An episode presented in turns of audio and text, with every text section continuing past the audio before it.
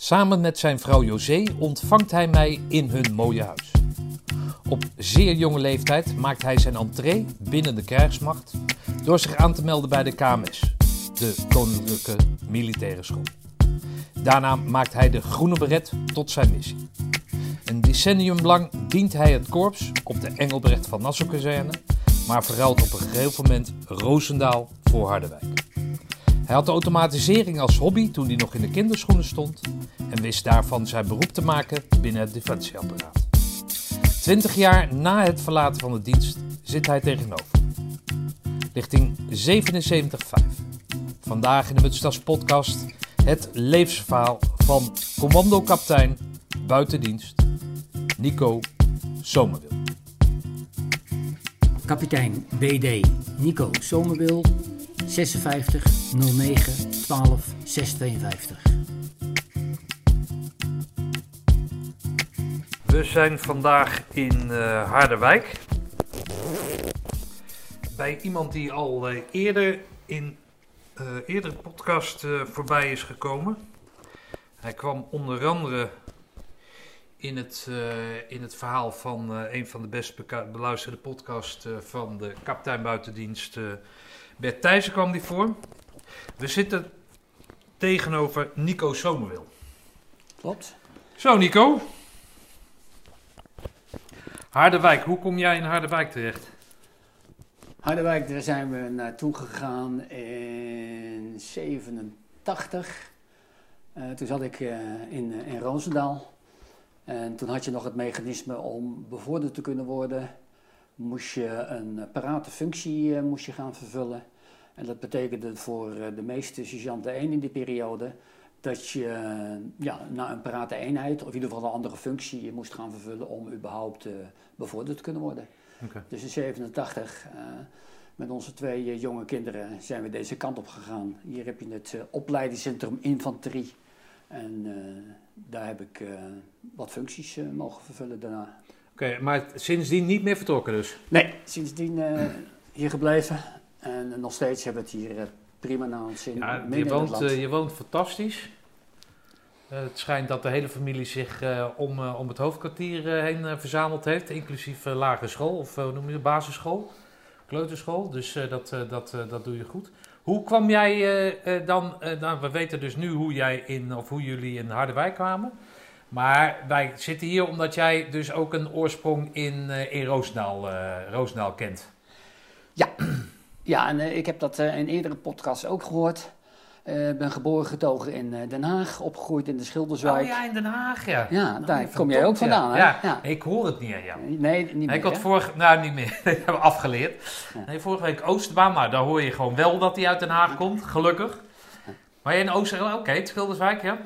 En, uh, nou, op school, dat was ik nog niet zo hoogvlieger. Dat vond ik allemaal minder, minder leuk.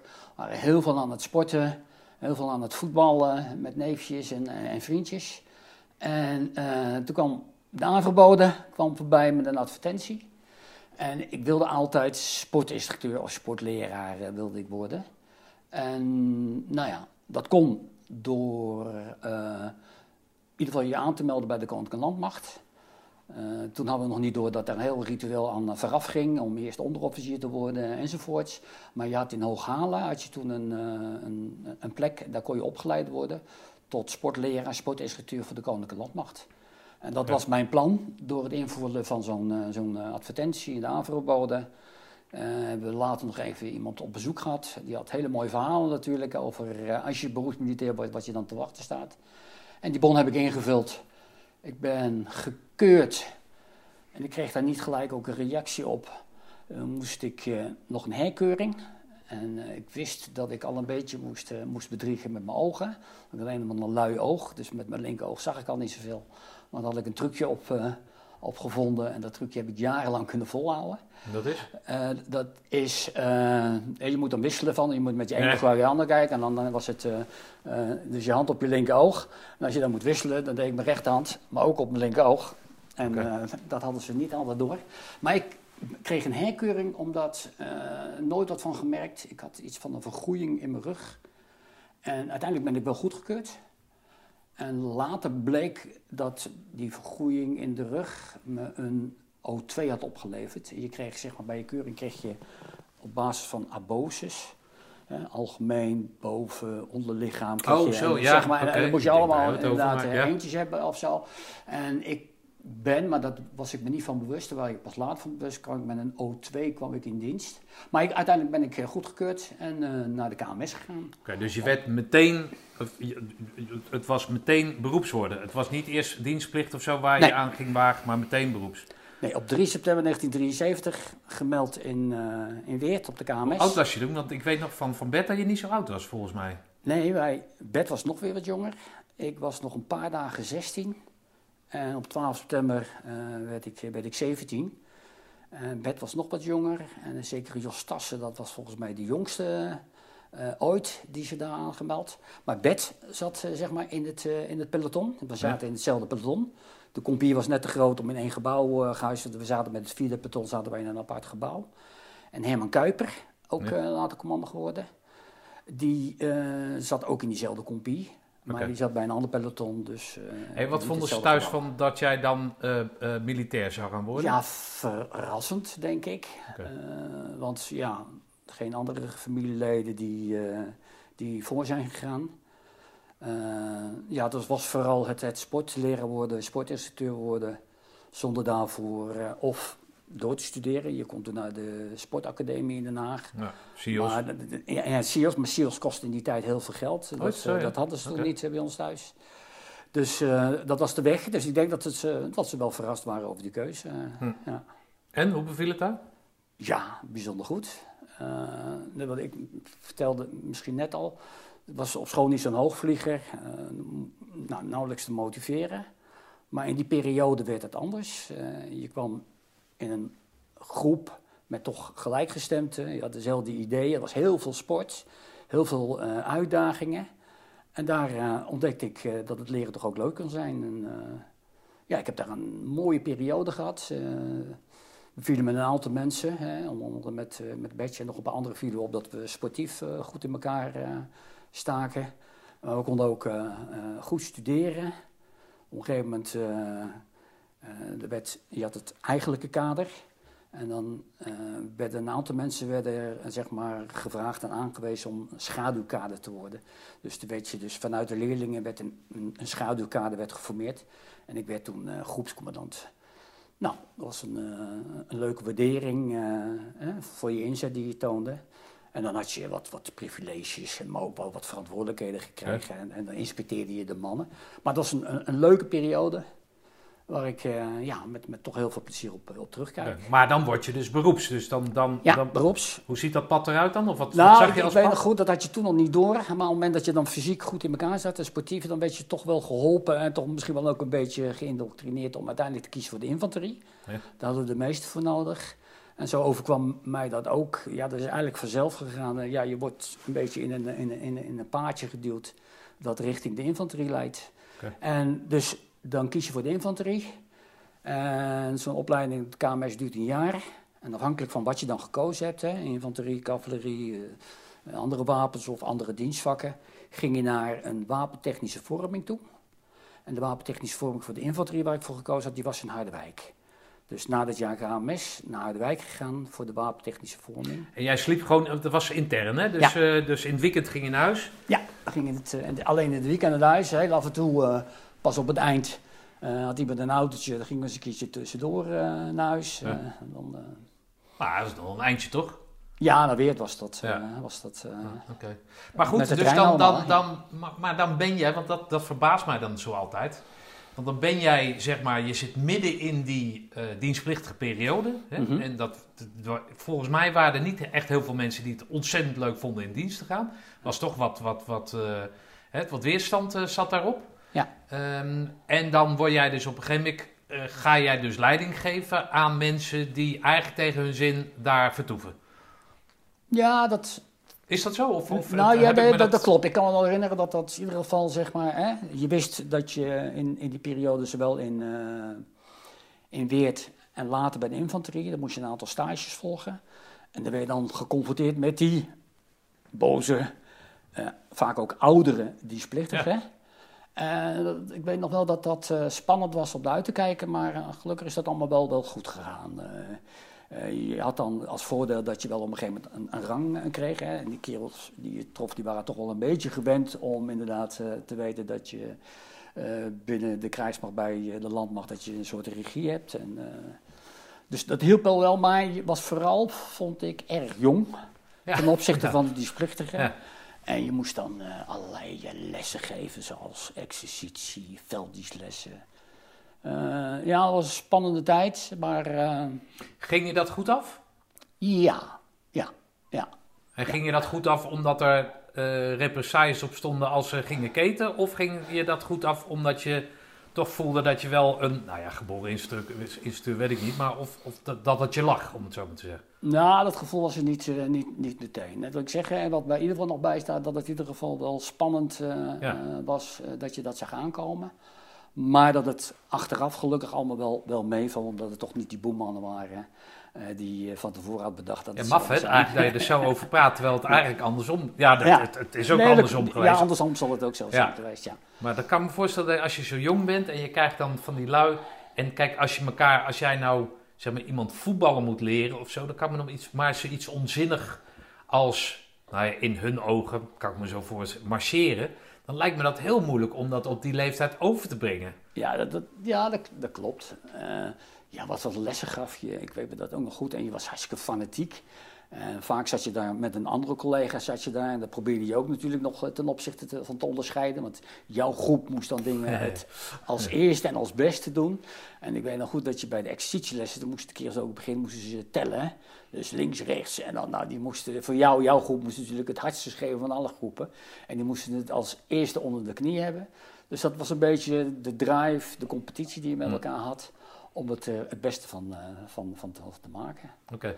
Maar gelukkig inderdaad, hè, vooral achteraf, waren dat eh, toch wel leuke en meevallende Ja. periodes. Jij wil dan sportleraar worden? Of dat is het. Ja. en, en komt dat uit? Die, Nee, die- nee, Oh, nee, want toen zaten we dus in. toen, voor, voor mij was een heel groot verschil trouwens van Weert en, en Harderwijk. In Weert, ja, zat ik helemaal lekker in mijn vel. En hadden we het ook best wel goed gedaan. Eh, die, die, die functie, dat schaduwkader gekregen. En in Harderwijk kwamen we bij een instructeur. Eh, ik weet niet of die nog leeft. Eh, maar misschien gaat hij het niet meer horen. Dat is Jean-Meer van Woensel. En ja, die was heel confronterend. En ja, dat vonden we eigenlijk, vond ik dat in ieder geval een akelige man. En ik weet nog goed dat in de eerste week dat we er kwamen, en je ging heel snel ging je op, op oefening, in de tweede week al, maar de eerste week was zeg maar aankomen, even eh, alles inrichten, was ik eh pelotonsergeant gemaakt. Een hele spannende functie, moest je alle voorbereidingen treffen voor de week daarna.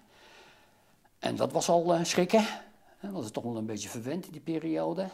Er komt heel veel op je af. En dat was, eh, het was spannend, was zwaar. En in de tweede week dat we dan die oefening hadden, was ik pelotonscommandant gemaakt. Nou, dat was helemaal eh, stressvol. Dus op een of andere manier eh, moest hij, mij had ik het gevoel, hè, misschien was het helemaal echt niet zo, maar ik had wel het gevoel dat hij mij moest hebben.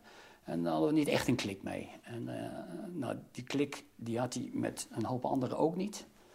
Want ik weet nog goed dat, eh, ja, toen die twee weken Xene, en op een gegeven moment hebben we een opleiding gehad tot, eh ja, want je kon, eh, IPR hadden we toen, en Ja. je had AMX, hè, dat waren de, de panzervoertuigen. En ik weet goed dat we toen met een aantal mensen het onmogelijke voor elkaar hebben gekregen om te zakken voor een theorie-examen eh, tijdens de opleiding voor eh, IPR. Ja, was het zo dat- makkelijk dan dat je. Nou ja, dat was heel moeilijk, want het waren hele simpele vragen. Die toetsen die waren eigenlijk, eh, ja, ja daar, daar kon je eigenlijk nooit. Maar wij wilden eigenlijk, dat hadden we met elkaar afgesproken. Ik denk dat we met een man of vier, vijf waren. Hadden afgesproken, wij willen weg bij Van Woensel. Dan zouden we terechtkomen bij eh zeker Jean-Mier van der Sande. Dat is ook iemand die eh, volgens mij ook zijn groene bret heeft gehaald. Dat was echt een mooie kerel, maar dat, dat wisten we al uit eh, hè, de verhalen die we vooraf hadden gehoord. En we hadden toen met dat clubje, en hadden we besloten, wij gaan dubleren. En dat kon alleen maar door, Door te zakken. Door te zakken. En ik weet nog goed dat we in het, eh, in het lokaal zaten met die test. Toen hebben we nog van elkaar, hebben we toch nog even contact met elkaar gezocht. We doen het, hè. En nou, we hebben het gedaan. Een aantal mensen hebben we hele lachwekkende antwoorden gegeven op de vragen. Uh, waar smeer je mee door? Dat was dan met diamantet. En als dit gebeurt, wat doe je dan?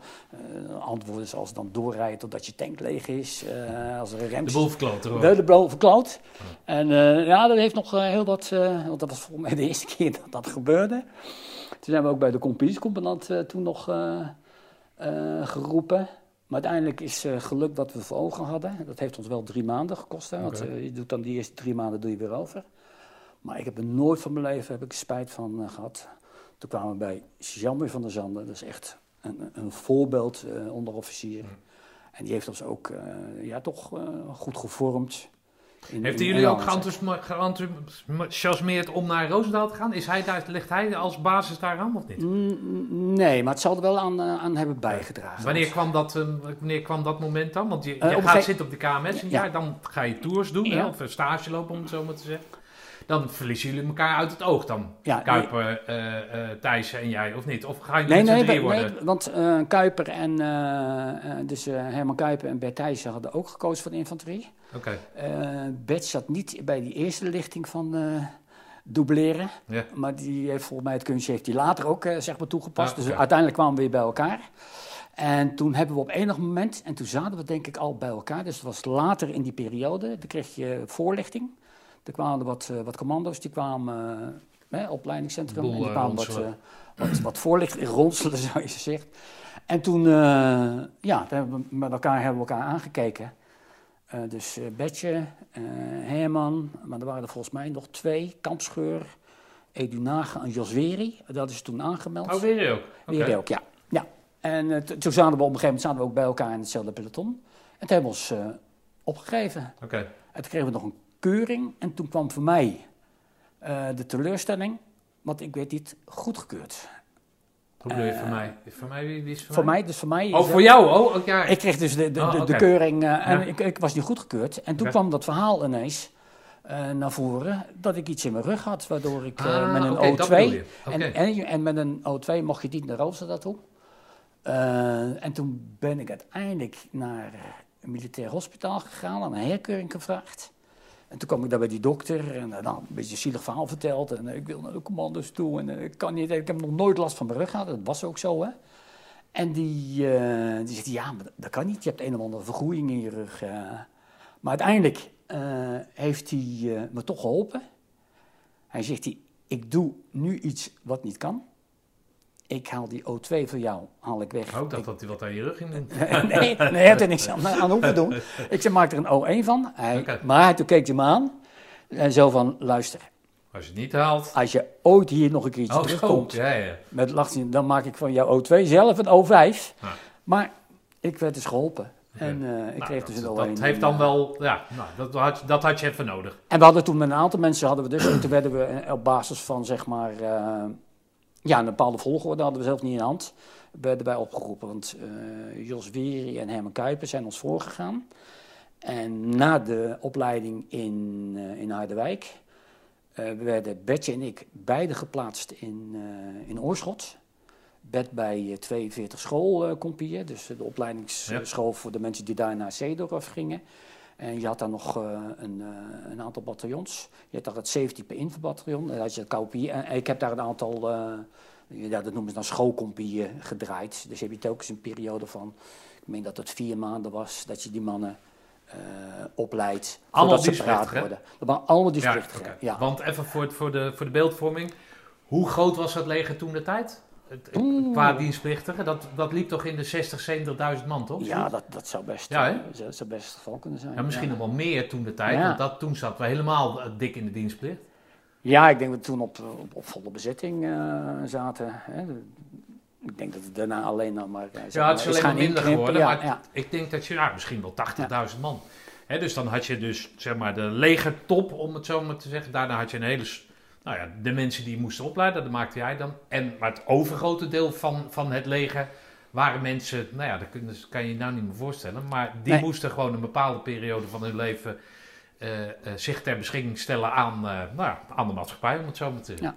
Ja, nee, wij kregen, Bert en ik, op hetzelfde moment, ruim voordat we uiteindelijk daar naartoe gingen, kregen we te horen dat we naar Roosendaal konden gaan. En toen hebben we ons ook eh, samen hebben we ons heel goed voorbereid. Hm. eh. Je wist Ja, waar, je op, eh, voor, ah, waar je je aan op voorbereiden was? Ja, dat door? het, vooral eh, eigenlijk alleen maar het, op het fysieke. Nee. Eh, we, we waren al fanatiek en het dat we dat ook wel nodig zouden hebben daar. Maar we hebben ons eh, heel erg voorbereid op eh, heel veel hardlopen, hindernisbanen, eh, door de week, maar ook daarna de weekenden. Ja, Eh, gewoon zorgen dus we waren echt, denk ik, allebei wel eh, heel fit toen we in Roosendaal aankwamen in september 1977. oké. Ja. En dan kom je daar als beroeps. Dus dan, dan kom je met een blanco beret. Ja, het is elke keer hetzelfde, maar dat vind ik dan toch mooie verhalen. Hm. Je, je komt daarheen omdat je hè, geworven bent. Eh, nou, dan, dan, dan word je goedgekeurd, ondanks je O2. Dan kom je daar. Ja. En wat, wat, hoe, hoe, hoe is het ontvangst?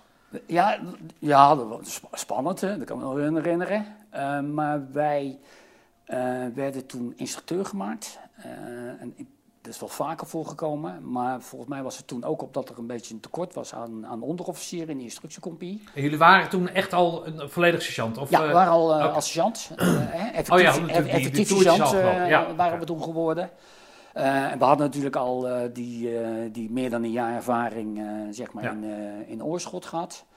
Eh, dus de lessen die in de vooropleidingen, want zo heet die periode als je daar als politieplichtige ook komt gegeven wordt, dat zijn een beetje dezelfde lessen. standaardles. Dus allemaal standaardlessen, de, de algemene militaire Ja, daar hoef je geen groene bret voor te zijn om die goed Nee, te en kunnen toen werden wij ingezet. En ik denk dat de mannen toen wel af en toe ook gedacht hebben dat ze op sommige momenten die commandoopleiding al een beetje voor ze begonnen. Ja, we waren gewoon misschien wel net eventjes iets te fanatiek. We waren gewoon ja, fanatiek. Dus eh, nou, dat, was, dat was ook een leuke periode. Maar dat, dat zijn dan de jongens in die vooropleiding waar jij samen mee Ja. de ECO in gaat? Ja, ja. Oké, dus ik kon, aan de ene kant kon je een beetje eh, streng zijn, maar, maar je moest natuurlijk ook wel een beetje goodwill plegen. Ja, Want ja. Het ja. werden Nee, klopt. maten binnen die ECO dan toch? Of had je dat, ja dat hadden jullie vast wel door natuurlijk, maar Nee, dat, dat, dat had je ook door. zo? Of? Ja, maar dat, dat vond ik ook wel, eh, ja, dat mechanisme, dat was toch wel een mooi mechanisme. Kijk, iedereen die zijn beret haalt, die heeft ook wel een keihard verdiend natuurlijk. Maar eh, als je terugkeek, dan wist je zeker dat de kaderleden, die, die toch wat extra verantwoordelijkheden, ook wel extra verzwaringen, en af en toe nog eens een keertje extra, zeg maar, gepakt eh, werden, Ja. die hadden het zeker ook verdiend. Ja. Dus dat was toch wel een mechanisme waar je later, hè, want soms kom je, hè, in mijn geval ook, kom je met die mannen kom je uiteindelijk in eh, de praatperiode, bij de 104 kom je terecht. En dan heb je, in die zin heb je toch wel wat, wat voorsprong opgebouwd. Ja.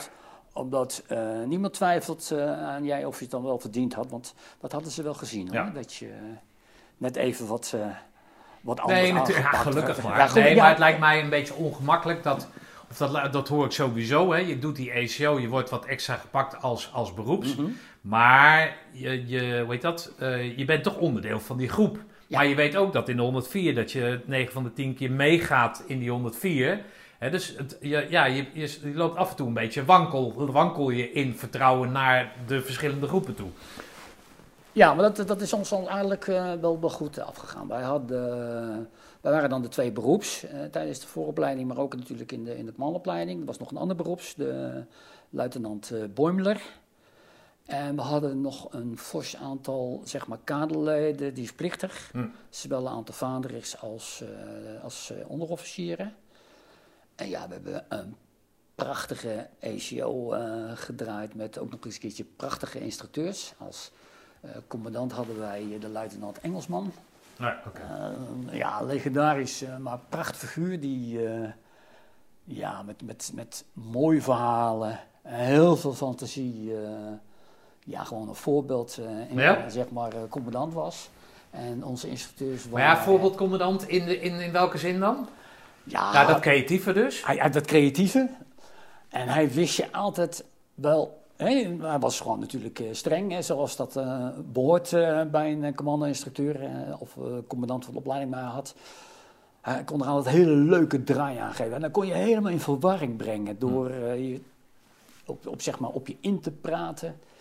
En ja, dat maakt het verhaal toch wat anders. Hè? Ja. Je had ook instructeurs eh, die hadden Ja, niet gewoon dat domme, domme Ja. botte gedoe, Ja. maar gewoon met iets Gewoon meer... met, met, met lol, met fantasie. En hij, hij kon je kon je in, in, in een hele aparte situatie kon je brengen. En hij, hij, hij liet je antwoorden geven die je van tevoren eh, niet had willen geven, maar uiteindelijk eh, deed het dan toch. Ja. En ik, ik, ik kan me nog herinneren dat we hadden ook nog een KVV-sergeant. En eh, de bedoeling was, er waren twee KVV-sergeants, die kwamen vaak in het verbindingspeloton terecht, eh, omdat die een specifieke opleiding hadden gevolgd. En een van de twee die mocht maar in de commandopleiding, dat was eh, Jan Hikman, die, die mocht erin. Maar zijn maatje, Oers, van Oers heet die geloof ik, ja, niet. Dus wij hadden ons tentenkamp hadden wij eh, op de kazerne. Ja. We sliepen in de eerste tent, de kadertent. Er was ook een telefoon. eh, en dan werd je af en toe werd je gebeld en dan moest er weer eh, zeg maar opgetreden worden. Dan moest je weer wat, wat gaan doen. Maar je kon er ook mee bellen. hè. Dus die belt op een gegeven moment, Jan Hikman belt zijn maatje, al in de eerste week. Van hé, hey, kan jij niet wat, wat regelen voor ons? Ja, wat moet ik regelen? Hè? Was een beetje de vraag die erop terugkwam. Kun je wat, wat marsen en nutsen regelen? Natuurlijk. eh, dus wat doet hij? Die gaat op een avond gaat hij, eh, naar de mes toe. En die bestelt daar eh, 25 marsen. Die eh, 25 die- die- die, die van Oors. Ja. En daar zit dan op dat moment, eh, hebben we allemaal later gehoord, zit ook de adjudant Oliviers. En die kijkt dat aan. Wat moet iemand nou met 25 marsen, Ja. 25 nutsen enzovoort. Ja. Dus die vertrouwde dat niet. Dus hij eh, neemt dat spul eh, mee en Olivier is achter hem aan. En die volgt hem dus. En die ziet hij van Oers, ziet hij dus in de kadertent terechtkomen. Die brengt al die mars en die nuts, legt hij onder het wolletje. Dus daar hebben we nog van genoten in de eerste week. Eh, hadden toen helemaal niet eh, in de gaten dat, dat ontdekt was. Tot we dat op een gegeven moment op de vrijdagmiddag eh, eh, de inspectie hadden. En iedereen mocht naar huis, behalve kader. En toen kwam Engelsman met dat verhaal.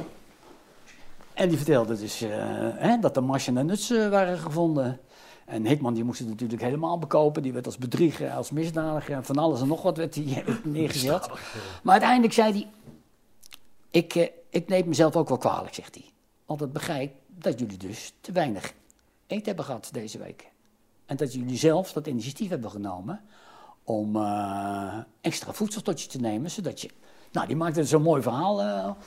en nou, als waardering hè, dat dat zelfinitiatief, hè, zo werd het gebracht, eh, kregen we een maaltijd aangeboden.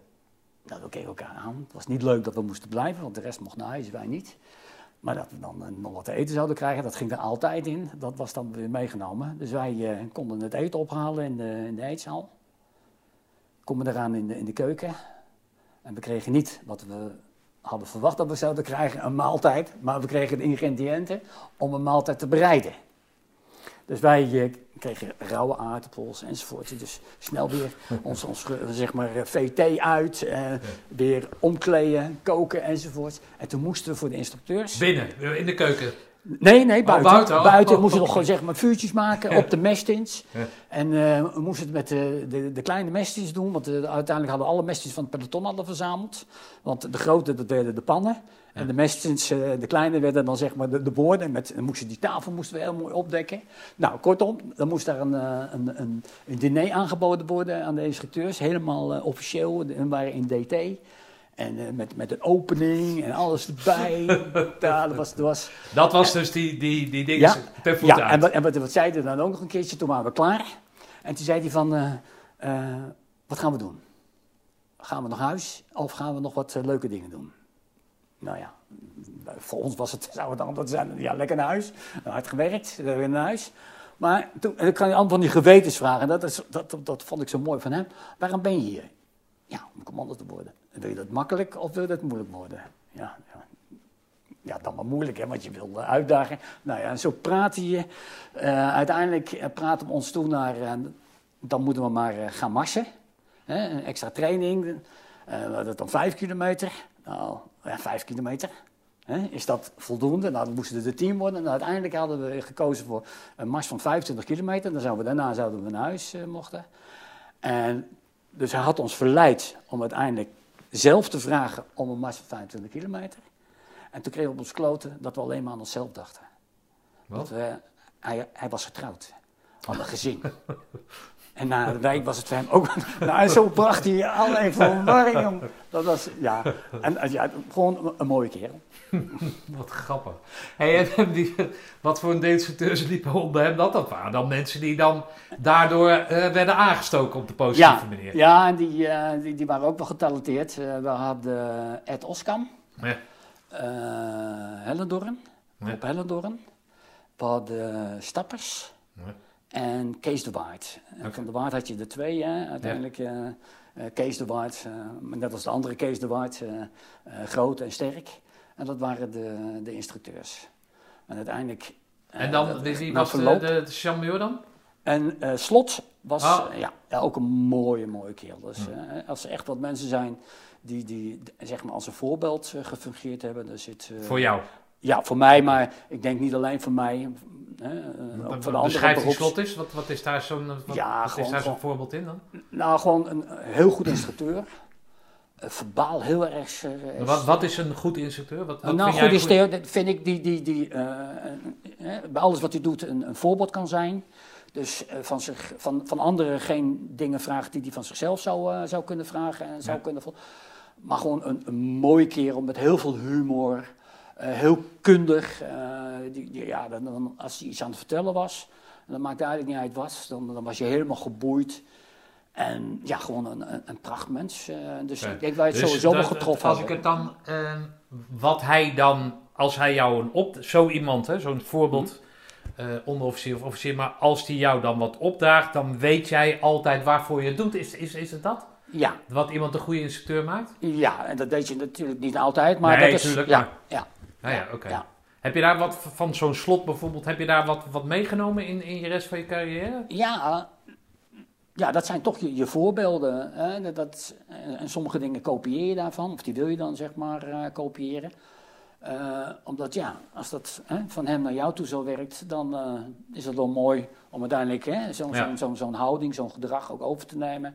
En dingen op eenzelfde manier eh, naar anderen Nou, toe mooi, te nou, mooi compliment toch? Ja, dat is, ja, dat is en, en er zijn er meer hoor, maar in die periode was, was dat al iemand die op die manier al, al opviel. Oké. Ik weet dat Bert Thijssen, jouw, jouw buddy, die, Ja. die ACO omschreef voor zichzelf dan als een heerlijke tijd. Ja. En dat gold dat ook voor jou? Ja, dat was een, natuurlijk een heftige periode, maar we hebben heel veel lol gehad. Hè. Mede vooral ook, eh, of mede door die, die, die, die instructeurs die toch een bepaalde eh, vrolijkheid brachten, eh, dingen met humor brachten. Ja, was dat nou, naast een zware periode ook een van de, ja, voor, voor mij een van de leukste periodes ook achteraf hè, Ja. van, ja, van, van, van mijn leven, in ieder geval van mijn dienst. Oké. Nou, dat is, toch, dat is dan toch Ja. leuk dat je dat niet Ja. omschrijft als... Daar ben ik helemaal kapot gegaan. Nou, Ja, daar ben je wel, ja. Maar dat het dan ondanks dat toch nog een leuke periode is geweest. Ja, dan. ja, we hebben heel veel gelachen. En, eh, ja. Nou ja, dan verder we ook wel een hele goede club. we hadden een wintertentenkamp. Ja. Dus eh, hè, dat maakt het ook allemaal niet nog, nog wat leuker. En elke tentenkamp, of nee, iedere ACO, je hebt allemaal de zwaarste gehad of zo. Maar ik weet wel dat we een hele natte hadden. Ja. En ik heb dat nog eens een keertje Maar wanneer is dat dan? teruggevonden. eh, de, de, de, de- Eh, 77, zes dan? 5 was de Oh, lichting. oké. En wij, ons, ons, we zijn ergens in november of zo... eh, Ja, dan ga je november, Eh, december. Ga je erin. 21 Ja. november zijn wij begonnen in 1977 en 13 januari, eh, vrijdag Ah, oké. de 13e, zijn we geëindigd. ehm. Oké, maar het was niet min 20, maar het was vooral zeiken van de regen of zo. Wat, Ja. wat je zegt dan. We- we- je hebt, je hebt zo'n boek Commando en Ja. daar hebben ze op een gegeven moment in, in het staatje hebben ze eh, eh, eh, zeg maar de KNMI Ja, ja, ja. gehaald. En- staan en- jullie daarin? Wij, wij staan erin. Als de natste? Nou, niet de natste, Ah, maar wel in de, in, de, in de top 6 of top 7 Ah, van de natste. Oké. En we- een zekere kameraad, die, die, die zat in ons peloton als dienstplichtig eh, soldaat, hè, cursist op dat moment. Die heeft een, een dagboek bijgehouden en die beschrijft ook eh, in die eerste week... eh, dat we al geloof ik de eerste twee dagen of zo waren we al drie keer in de droogbunker geweest of zo. Dat was alles helemaal zeiknat. Oké. En dan de enige manier om je spulletjes weer droog te Ja. krijgen, had je van die droogbunkers. En daar gingen dan je spulletjes naartoe. En dan een dag later was dat weer droog. eh, en dan eh, begon Ik je weer het helemaal opnieuw. niet, dat eh, fenomeen uh, drogbunken. En dan Ja, die had je toen, zeg maar, na- zat dat dan de keuken. onder een... eh, oh, onder Nou, de nou, keuken of zo? Nee, bij de keuken, aan de zijkant van Ja? de keuken. Oh, ja? Daar had je van die, ja, dat noemen ze dan droogbunkers. en daar, ja, Daar zat een dan, weet ik van, apparatuur in die warmte afgaf of zo. Ja, Ja, Ja, ja En machines daar- of zoiets. Ja, ja. En daar, daar, daar ging je dan met je spullen, eh, Ja, je uitrusting, maar ook inderdaad eh, de overals die zeiknat waren geworden, die bracht je erin. En dan eh, een dag later was dat weer droog. En, dan, Hmm. Hey, maar ondanks dat je dus een, een, dat, dat jullie dan, jij en Bert het een, een prachtige periode vond, eh, gebeuren er natuurlijk dingen waar ik dan natuurlijk van smul en mijn luisteraars als het goed is ook. Eh, als wij, eh, waar, ik, waar ik eigenlijk altijd naar vraag, omdat ik, omdat ik mezelf dat eh, wel eens heb afgevraagd, wat, was jouw favoriete dieptepunt? Dat je zei van, ja, misschien dat het omdat jij het zo'n mooie tijd vond dat je dat niet gehad hebt, maar wat was het moment dat je echt dacht van, wat doe ik hier eigenlijk? Of, of wat, in godsnaam, laat het, laat het ophouden. Of, nou, een beetje dat. Ja, je, je, bent een no-no, hè. je bent een cursist. Je weet helemaal niets van eh, zeg maar de beweegredenen waarom instructeurs eh, dingen doen eh, hè, zoals ze dat gedaan hebben. En op een gegeven moment werd mij duidelijk dat ik na de commandoopleiding naar de 104 zou gaan. En zo gegroeid was Ed Oskam, was een beetje degene die mij allemaal lastig probeerde te maken en zeg maar wat meer aandacht voor mij had. En het was Rob Hellendoorn die het voor, voor deed. En ik denk dat eh, Ed toch nog iets van een soort test wilde uitvoeren in het laatste weekend van de commandoopleiding. Hè, voordat je dus eh, na- naar je cabaret en afmatting begint, hadden wij een, een overlevingsoefening eh, met dingen als kipslachten. En toen heeft Ed Oskam heeft mij op een manier, eh, we hadden het straks nog eventjes over eh, Piet Oosterbaan gehad, die Ja. zeg maar ook nog wel eens een keertje met een instructeur geconfronteerd werd. En ik had toen een hele nacht een, een eh, noem- ja, interactie met, eh met Ed. En die heeft me toen, nou, helemaal getest. Ik weet nog goed dat het berenkoud was. En op een gegeven moment eh, moest ik bij hem komen. En eh, gezellig bij hem zitten, was de bedoeling. En Nico. Want we zijn bijna aan het eind. We gaan ervan uit dat je het gaat halen. En het wordt toch tijd dat we elkaar wat beter leren kennen. Dus ik roep jou, eh, ik noem jou Nico. Ik mocht nog niet andersom wat anders roepen. Wat vind jij van mij? Nou, dan begin je natuurlijk met, ja, kundig instructeur. Maar dat wilde hij allemaal niet horen. Nou, uiteindelijk, hè, zoals eh, dat al vaker gebeurde, werd je geholpen om het, het wens, gewenste antwoord te geven. Eh, nou, ik vind u ook wel een hele lieve, aardige instructeur. Echt? Ja, echt. Op een gegeven moment eh, waren er ook van die momenten, dan nam hij weer afstand. Eh, want ik was op een gegeven moment onbeschoft. eh, want ik was. nee, nee, hij kreeg het koud. Ik moest een, een vuurtje maken, dat was nog nou, daarvoor. Dus op een gegeven moment, ik moest een kampvuurtje maken. Buiten. Buiten, ja. want we zaten buiten. Ja. En de rest was een beetje aan het rusten. En wij zaten dus op een gegeven moment, ik moest dat kampvuur maken. Dus ik moest plezieren. Nou, dat kampvuur, dat, dat deed het goed. Hij kreeg de warm van, dat deed zijn, zijn jas uit. En op een gegeven moment toen onderbrak hij dat gesprek, want hij vond me toch wel een beetje onbeschoft te worden. Want eh, hij had zijn jas uitgedaan en ik had hem nog aan. En eh, ik was niet hetzelfde tenue met hem aan het praten. Dus ik moest mijn jas uit doen, tegelijkertijd meer afstand nemen van het, eh, van het vuur. En toen kwam dus op een gegeven moment die vraag eh, van, hoe vind je nou? Ik vind die een hartstikke lieve, aardige instructeur. Wat vindt Betje ervan? Ja, die zegt meteen dat u een, eh, een hartstikke vriendelijke, lieve... Oh ja? Gaat hem vragen. Dus shit. Dus ik midden in de nacht eh, bed eh, opzoeken. En nou, wakker gemaakt en gezegd, Bert, als je zo meteen vraagt wat je van hem vindt, dan moet je zeggen. Je een hele lieve, leuke, aardige. Dus, nou, helemaal geïnstrueerd. Bert eh, komt erbij. En dan kwam die vraag, hè. Nou, Bert gaf dus dat antwoord. Zie je wel, zei hij tegen mij. Hè, bij mij had het een tijd geduurd voordat ik dat antwoord had gegeven. Nou, hij kon met Bertje toch beter opschieten dan met mij. En maak nog maar een vuurtje. Dus ik moest van Bert ook nog een vuur maken. Dus hij heeft me de hele nacht heeft hij me bezig gehouden. Ik weet nog goed dat er ook nog een, een, eh, een was, die vond het zielig om kip te slachten. Die hoefde het niet te doen. Die mocht eh, op een gegeven moment een, eh, een put graven voor zichzelf. En die moest ook af en toe gecontroleerd worden. En hij heeft me gewoon de hele nacht heeft hij me, heeft hij me dat was gehouden. voordat de, de, En toen de heb ik toch wel heel erg- de. Ja, toen, toen heb ik het toch wel heel erg ja, zwaar gehad. Want niet alleen, want de, de, men- sliepen allemaal in het onderkomen. Want dat was het nog niet. Dus ik, ik was zelf nog niet in het onderkomen geweest. Hij had, eh, eh, Ed had tegen die, eh die ploeggenoten van mij gezegd van... Als jullie zo meteen gaan opruimen je mag niet aan de spulletjes van, van de cursist zitten. Dus hij, hij, ze mochten het niet opruimen, ze wilden het wel, hè? Ja. Eh, maar dat mocht niet. Eh, ik moest, hij sliep in de commandopostent. Ik moest in mijn eentje een of andere commandopest af, eh, afbreken. Dus wat er nou precies allemaal speelde. Want daarna hebben we Maar perfect door het bracht leven. dat je Maar dat- tot, tot, tot eh, nou, Nou, niet niet- razernij, maar wel van Jezus, dat je wilde opgeven? Zat dat? dan? Nee, nee, dat niet. Maar ik weet wel dat, ik, dat, het- dat het toen... eh, ja, dat was, was wel even een hele heftige, heftige periode van, van veel onzekerheid. Zo van, Ja. wat gebeurt hier allemaal? eh. Maar ja, je wist dat het een spel was. Dus Ja, je wist maar ja. verlies je dan wel dat, dat, dat, Nee. dat uit het oog? Of blijf je elke keer zeggen, ja, dit, dit, dit hoort erbij, joh. Nee, dat, dat hoort erbij. Want dat, dat, dat maakte toch ook wel die periode, eh, zeg maar, toch heel erg eh, leuk. In ieder geval achteraf, maar ook toen hebben we heel veel gelachen.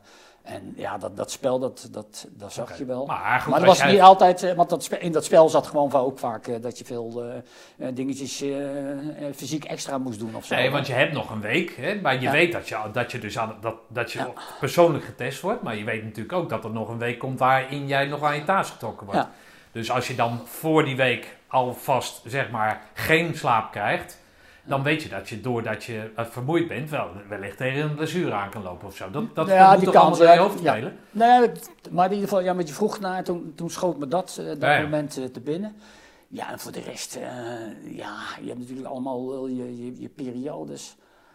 Maar ja, je, je hebt geleerd dat, ja, ook al zit je eventjes in de shit, je weet dat het zometeen toch weer anders kan Ja. zijn. Nou ja, je bent je een beroeps natuurlijk, dus je bent Ja. rete gemotiveerd. Ja, Jij wil natuurlijk waar- niet thuiskomen en zeggen, pa, maar Nee. moet luisteren. Nee, Het is niet gelukt, dat, eh, dat kan ik me voorstellen. nee, Met hoeveel gaan jullie eh, richting eh, de kazerne dan?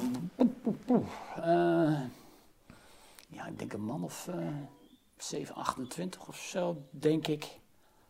Zaten er trouwens nog mariniers bij? Of, of, Nee, nee. niet? We hadden wel, nee, nee, nee. We hadden dus eh, een aantal, eh, dus, eh, dus drie beroeps, eh Boimler, eh, Ed, of Bert en ik. Een aantal dus plichtige kaderleden. En ehm, ja, een clubje van 7, 28, ik weet het niet meer precies. Oké. Ehm, helemaal nat geregend. Kan je trouwens goed met die, met, die, met, die, met die dienstplichten? Lukt dat? Of, Ja. Nee, dat is een, eh, een, een peloton wat, wat ook nu nog steeds eh, heel erg Oh ja? hecht met elkaar is. In het begin had... maar jullie waren ietsjes ouder dan, dan, dan de gemiddelde leeftijd daarbij? Of niet? Nee, tenminste als, als beroep bedoel je? Nee, nee. Nee, in die ACO? Nee, nee, nee. Want jullie hadden gewoon een paar jaar van die tours Ja, maar toch, maar we waren heel jong, zeg maar, de dienst Ja, oké. gegaan. Oh, dus je was ook rond de 19 à 20 Ja, of zoiets? ja, oh, ja. oké. Dus dezelfde leeftijd als, als merendeel van de dienstplicht. Nee, dan, dan, er zaten, eh, en uiteindelijk van dat peloton zijn er later nog twee beroeps geworden. Oh, wie dan? Eh Renieuwesteeg, ik Oh, die ken ik kent. wel, die naam ken ik, ja. En eh Hawaii, Ferry Hawaii. Oh ja, Ferry. ja. Nou, Ferry is een heel apart Ja. verhaal, eh, want Ja. die is uiteindelijk, eh, zeg maar, in zijn beroepsperiode is die eh, om het leven gekomen. Toen die, Tijdens eh, Parasprong een, ja. een, een ja. burgerparasprong, hè? Ja, want je kon je toen inderdaad eh, kon je, eh, opgeven om inderdaad eh, te gaan vrije vallen. Een hele wachttijd. Ik heb toen wel geluk gehad dat ik het toen wel kon. En dan kon je jezelf een beetje wat eerder, zeg maar, eh, dat je kon gaan vrije vallen in, in diensttijd. Door dan zelf die opleiding eh, Hm. eh, te doen. En dat was een, een clubje van, van een paar man. Die hebben toen, eh Ferry sowieso een joh. lieve, le- Ja, leuke ik, weet, ik kan hem zo nadoen hoe die liep. Dat weet ik nog. Eh, en ook wel apart. Hij had toen zeg maar, ik was toen al eh, net aan het vrije vallen. Had mijn spulletjes had hij eh, geleend. eh, helm, weet ik allemaal wat, eh, had hij toen zeg maar geleend. En het was zijn allereerste sprong die hij zou, zou maken. En hij ook heeft gemaakt. En komt dus in Roosendaal in de, in de Vliet eh, te- terecht. Raakt waarschijnlijk eh, met het in het water komen verstrikt in zijn koorden. En is toen, eh, is toen daar verdronken. Hm. Ja, dat was een eh, heftige, heftige gewaarwording. Ik weet nog goed, eh, hè, Herman Kuiper, eh, een maatje, die woonde bij ons in de buurt. Die kwam dat, dat verhaal s'avonds brengen aan de deur. Nou, dat was iedereen, het hele korps, van, kapot van. eh. Hm. En zeker dat peloton, ja, dat was, dat was... Dus tenminste, het peloton was er toen niet meer, hè, want dat was later gebeurd of zo. Maar de mensen die hem kennen, was, die waren toch helemaal van stuk. En later dat peloton natuurlijk, doordat ze dat te horen kregen. En dan zie je, en dat heb ik later nog een paar keer meegemaakt, dan zie je dat die verbondenheid in die periode toch zo'n club bij elkaar houdt. Daarmee wil je die zeggen dat mensen- jullie een heel hecht peloton hadden. Ja, en, en, het peloton, en zeg maar ook, eh, zeg maar, die mensen waren ook op zijn, eh, zeg maar, eh, zijn, zijn, zijn afscheid nemen met de begrafenis. waar, heel veel van de peloton waren er uh, Hm, aanwezig. dat mooi. Ja, het was, was een hele aparte, aparte unieke ervaring.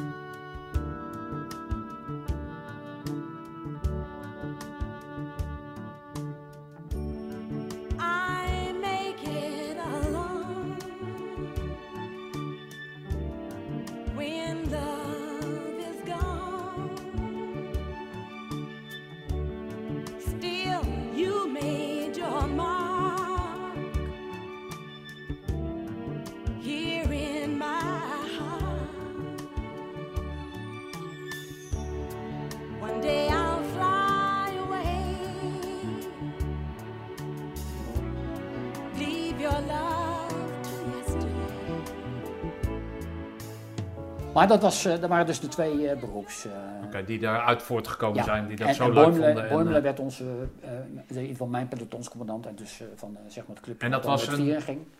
was dat de vaandrig? Of, of Nee, dat was, het- dat was een Oh, beroeps, eh, Ah, beroepsofficier. En wie was jullie PS dan? Ettelskam. Dus oh, Ed, oh, dus ging... dat- ja, ja. ja. Oké, Ja, was dat zijn de eerste pelotonsergeant functie dan, of Ik niet? denk het wel. Ja, want Ja, zo gebeurde het vaak. Ik heb het later ook gehad. En dat is, dat is een mechanisme wat vaart. Dan werd jij instructeur. Ja, in de Dus VO, IVO, van de en dan ging je En door dan ging je dus, dat. en dan ben jij dus Ja, ja, eh, van... eh, En hoe was die relatie tussen jou en eh, Ed dan? Met Ja, heel goed. Heel Ja? goed. Ja, ja, ja. Ben je dan, als je die groene bret haalt, meteen collega? Hij, hij, het- hè, de week ervoor zegt hij nog van, joh, hè, we zijn bijna collega's, dus we gaan, eh, we gaan nog eens even aan elkaar ruiken. Een week later wordt, wordt daar dan om gelachen, om dat, eh, om dat eh, met, niet- met die vuren. niet. En, eh, Niet, niet, niet, eh, niet onmiddellijk, maar ik denk wel vrij snel, eh, zeg maar. Maar je, je bent gekomen. Ja, je, je, je verstopte je, hè? want eh, we waren dan al onderofficier, dus je mocht in de, in de onderofficierskantine, maar je haalde het niet in je hoofd om eh, bij wijze van spreken naar de bar te gaan als het door druk was. Hè? En dan was het regelmatig druk. Aan het einde van de dag was het gewoon dat de instructeurs daar naartoe gingen, je nog een, een, een drankje dronken. En op de vrijdag was het sowieso, had je, maar dan was je wel heel erg eh, bevreesd om, om aangesproken te worden. En die afstand, die wordt wel snel kleiner, Ja. maar die die is niet wel. onmiddellijk, die is er nog wel. Nee. Nee, maar, maar omdat jij met Ed Roskam in datzelfde peloton zit, dan ben jij ook kader, toch? Hij Ja. is dan wel een treetje ja, maar die, die, maar... die, die verhoudingen waren natuurlijk ineens helemaal anders. Ja. En hij heeft denk ik wel zijn best gedaan om dat eh, eh, snel te veranderen. Maar dat, dat, dat lukt niet eh, altijd even Maar snel. dan zit jij dus in de ploeg met dienstplichtigen. Ja, Hoe, hoe ga jij met die dienstplichtigen om? Ja, je hebt gezegd dat er goede keer op tussen zit, maar in de put, hè, dus afgesneden van, de- van alle, alle kazerne, bezonjes, weet ik wat. Is dat dan eh, eh, Nico of is dat eh sergeant? nee, dat is, dat is wel in tijd, denk ik, is dat chant gebleven. En daarna, ja, dan, dan wordt dat anders, hè. Want dan ben je Later. maar, een ploeg. Ja, ook Nee, maar, later op de reunies bedoel je? nee, nee, zeg maar Oh. later in die periode. Nee, later in die periode. steeds met kapitein aan moeten spreken. Nee, Nee, later, even in de houding staan, vriend. Nee, nee maar er is altijd wel een bepaalde, denk ik, afstand gebleven. Eh, ook, wel, ook wel in die Nou, zin begrijpelijk. eh, wel zinnig? En dat was ook wel functioneel eh, in die periode. Eh, hè, je kon bij wijze van spreken, en, en niet dat het eh, heel erg waarschijnlijk was, maar het kon gebeuren dat je zeg maar, in een situatie terecht kwam dat je eh, eh, in, in het echtje terecht kwam. En dan, dan moest je ook natuurlijk op een bepaalde manier wel het Ja. overwicht houden om te zeggen van nee, geen gelul, we gaan linksaf in Ja. plaats van hè, dat de gedachte bij de rest was, we gaan rechtsaf. Ja. En, eh, maar ik heb mooie herinneringen, goede eh, herinneringen aan, aan die periode, ook als, eh je bent dan ploegcommandant. Doe je dan één tour, 104? Of, Ja. eh, Oké. Voor mij was dat één, één tour. Eh, en wij hadden eh, als internationale oefening, hè, allemaal hebben er wel, eh, wel één in zo'n periode, Ja. hadden wij uh, Chinanders. Ja. Eh, is Duitsland, hè? en, ja, Chinanders was Duitsland. Ja, is een Duitse naam. Ja. Ja, en we hadden, eh even kijken, nou, vrij snel na je commandopleiding ga je, eh, tenminste was bij ons het geval, nou, dat was vaker zo, ging je eh parachute springen. Ja. Dus dan ging je eerst naar de grondopleiding, ging je daarna eh naar, naar Po toe. Oh, je bent po geweest? Ja, en ik, ik kan ook nog herinneren dat eh, je hebt dan de foto dat je eh, bij de bospomp staat te wachten om daarna de kazerne binnen te poren met allemaal die eh, ingevallen gezichtjes. En dan na je commandopleiding heb je een week eh, eh, vrij en dan vreet je helemaal vol. Ja. En als je dan die foto's ziet van de ja, en je ziet wat er in die week gebeurt, ja. En, nou, dat, Want die drang om te blijven eten, dat, dat, dat, dat duurde een paar weken. Dus je ziet allemaal die bolle toeten zie je op die grappig foto's in, eh, in Paul. eh, dus, eh, maar dat hebben we gehad. Eh, we hebben ook... Slimme streupers, heb je dat gehad? Ja. Ja. Hoe vond je dat dan? ja, dat, ja, dat was, was, was leuk. Want eh, wij zaten, ik weet niet of het toen al eerder was, was gebeurd, maar ik kreeg het idee dat dat de eerste keer was. Je hebt verhaal, Ik heb niet van, gehad. Nee, je hebt het verhaal van de, de, de luitenant, was dat volgens mij Petter wel eens gehoord. Ja, ja, met die handgranaat? Ja. En we hebben die oefening hebben we gehad op het landgoed van, want hij was Oh, ja. getrouwd met Oh, een in of andere- Marem. Eh, in, in, in Vereulen was Ja. hij getrouwd. eh, en Ja, daarnaast was het een- Godin de Beaufort of zo. ja, ja, klopt. Wij hebben het in, zeg maar, in dat gebied Ja, hebben wij toen die, eh, die oefening eh, gehad, slimme struipers. eh. en ik weet dat we ook En nog- hem dan als... Of was hij toen al overleden? Wie? Die Petter.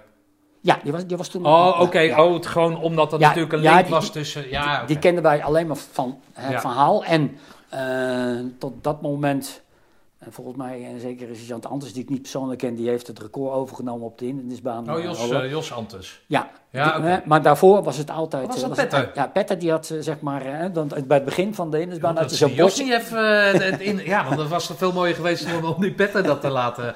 Oh, oké. Oh, dat wist ik niet. Dat was, dat was ook een hele sportieve eh, officier en die, eh, die had eh, ja, Ja. een hele lange Ah, ja, tijd. heldendaad natuurlijk. Ja, Ja, dus toch? die, ja, eh, hij wierp zich dus, eh, voor de mensen die het niet eh, op de ruk verzijden, bij de, bij de granatenbaan, hè, Ja. je dus ja, oefengranaten moet gooien. Toen ging er iets mis en toen heeft hij zich op die granaat gestort, zodat andere mensen daar nou ja, geen eh, verwondingen aan overhielden of dood aan konden gaan. En ehm, nou, dat was natuurlijk een, eh, een heldendaad. Ja, Ja. ja, ja, ja. Ja, dat, dat, dat zeker. ja. En zijn vrouw was zwanger en zijn vrouw was van adel. En eh, die, nou, die dochter die daaruit voortgekomen is, die heeft de vader dus nooit gekend. En dan is de commando wandelvereniging. Die gaat jaarlijks ja, ja, langs, dat, eh, langs klopt. het landgoed van de familie. eh, die Ja, wij waren volgens mij, in mijn, in mijn eh, herinnering staat erbij dat wij als eerste zeg maar, die oefening Ah, mooi. toen op dat, op dat Dat is land prachtig dat dat, dat, dat dan, hè, Ja. dat, ja, nou, dat je die relatie aanhoudt hè, in al die jaren. Ja, voor de rest had je natuurlijk je, je pelotonsoefeningen, Ja. waar je dan gewoon als ploegcommandant...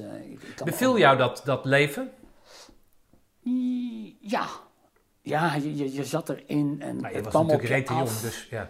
Ja, Dat, dat, dat, dat beviel wel. En de oefeningen die waren eh, wel pittig. eh. Nee, maar jij woonde intern. Je zat, eh, ja, je we zaten, zat, eh, op dat moment zaten we intern. Eh. Hoeveel weken was je dan weg als, als, als, als beroeps? ja, dat zat Ja, toch- weg. Jij was nergens weg van, maar in ieder geval... Nee, maar met alles erbij. eh, want je, je had ook nog wat andersoortige oefeningen en kanoopleidingjes en weet ik allemaal wat. eh helidrills. eh, eh, ja, misschien dat je wel uiteindelijk de helft van de tijd eh, van het jaar wel weg was. eh. En in het dan- weekend en ging dan- je ook wel eens terug naar huis, naar, naar je ouders dan? Ja. Of, Oké. Ja, ja, ja. Ja, dat vonden die toe, hè? Dat jij dat allemaal deed en dat je dat gehaald had? Ja, die, die vonden dat allemaal wel. Ja? later eh, vonden dat allemaal wel, wel prachtig. Maar zij eh. stonden ook bij de Tranenpoort en... Ja. Ja? Ja, en, ja, die stonden bij de Tranenpoort en nog een, een, eh, een oom en tante, een lievelingstante. Eh, want mijn ouders hadden geen auto en hun wel. Oké. En die, die waren erbij eh, en die vonden het ook mooi. En zeg maar, van hun is hun zoon is later ook eh commando Nou, dat geworden. weet Dus, eh, Leuk. die Daardoor. Toen, die, nou, nou weet ik niet of Nou dat ja, maar in daardoor geval- kwam, maar dat was wel een mooie, latere, mooie samenloop van omstandigheden.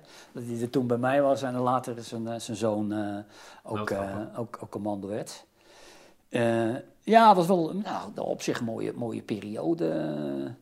Eh, en ik weet nog ook goed, en daar moest ik ook nog eens een keertje aan terugdenken. Later kreeg je, als je een put maakte, dan moest je ergens, ergens je putpalen ophalen. Maar wij hebben Ja. nog, eh, zeg maar, zowel in de commandleiding als in de, tijdens de pelotonsoefeningen moest je nog je eigen bomen Oh ja. maken. Had je zo'n- nou, per, per put had je ongeveer zo'n 25 bomen had je nodig. eh, of in ieder geval 25 palen nodig, afhankelijk van eh, hoe lang de boom en hoe dun die was, eh, kon je eruit eh, uit één meerdere halen. En we hebben twee pelotonsoefeningen gehaald langs de A28, hè, hier, Hm. hier in de buurt. En als we dan met zo'n 7, 8 ploegen waren, dan nou, 7, 8 keer eh, 25 maal 2 bomen.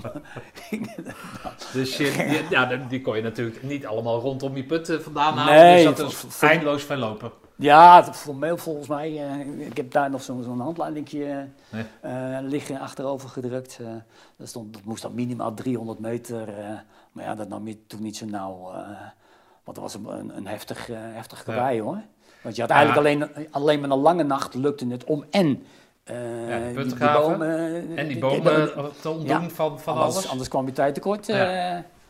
Oké. En we hebben ook nog een keertje een bijzondere oefening gehad. Eh, dat werd Ed geregeld eh, met, met Van Heuts. En, en ik benoem dat omdat je daar dan eh, dat verschil tussen een misschien wel beroeps- en, en, en dienstplichtige leger had. Ehm, bij een beroeps heb je wat meer gelijkgestemden. En bij die dienstplichtige had je echt zeg maar, de, de verschillen in opleiding, maar ook in fysiek enzovoort. Je had wat grotere verschillen in zo'n Hmm. peloton. En we hadden toen een peloton, of een oefening eh, met het peloton. En het was een verneutseenheid. Die eh, zou dan zeg maar eh, het, het vijandbeeld eh, gaan worden. En voor die mannen vonden het zo spannend. Dat bleek iets van een derde. Die had zich net voor die, eh, voor die oefening hadden zich ziek gemeld. Die, die durfde dan niet meer. En toen Ja. moesten wij, dus we zaten ergens in... eh, Zij speelde de oefenvijand. ja, wij, wij- zij, Ja. zij zaten in de put en we kregen dan, terwijl we in die put zaten, en dan moesten we waarnemen verkennen hoe dat eh, ging op die manier als ze dat eh, deden. Opletten of er zo'n autootje voorbij kwam met een nummer erop eh, enzovoorts. En toen Het moesten echte werk nog, Nico. Moesten, we- moesten wij een, verkenningspatrouille uitvoeren.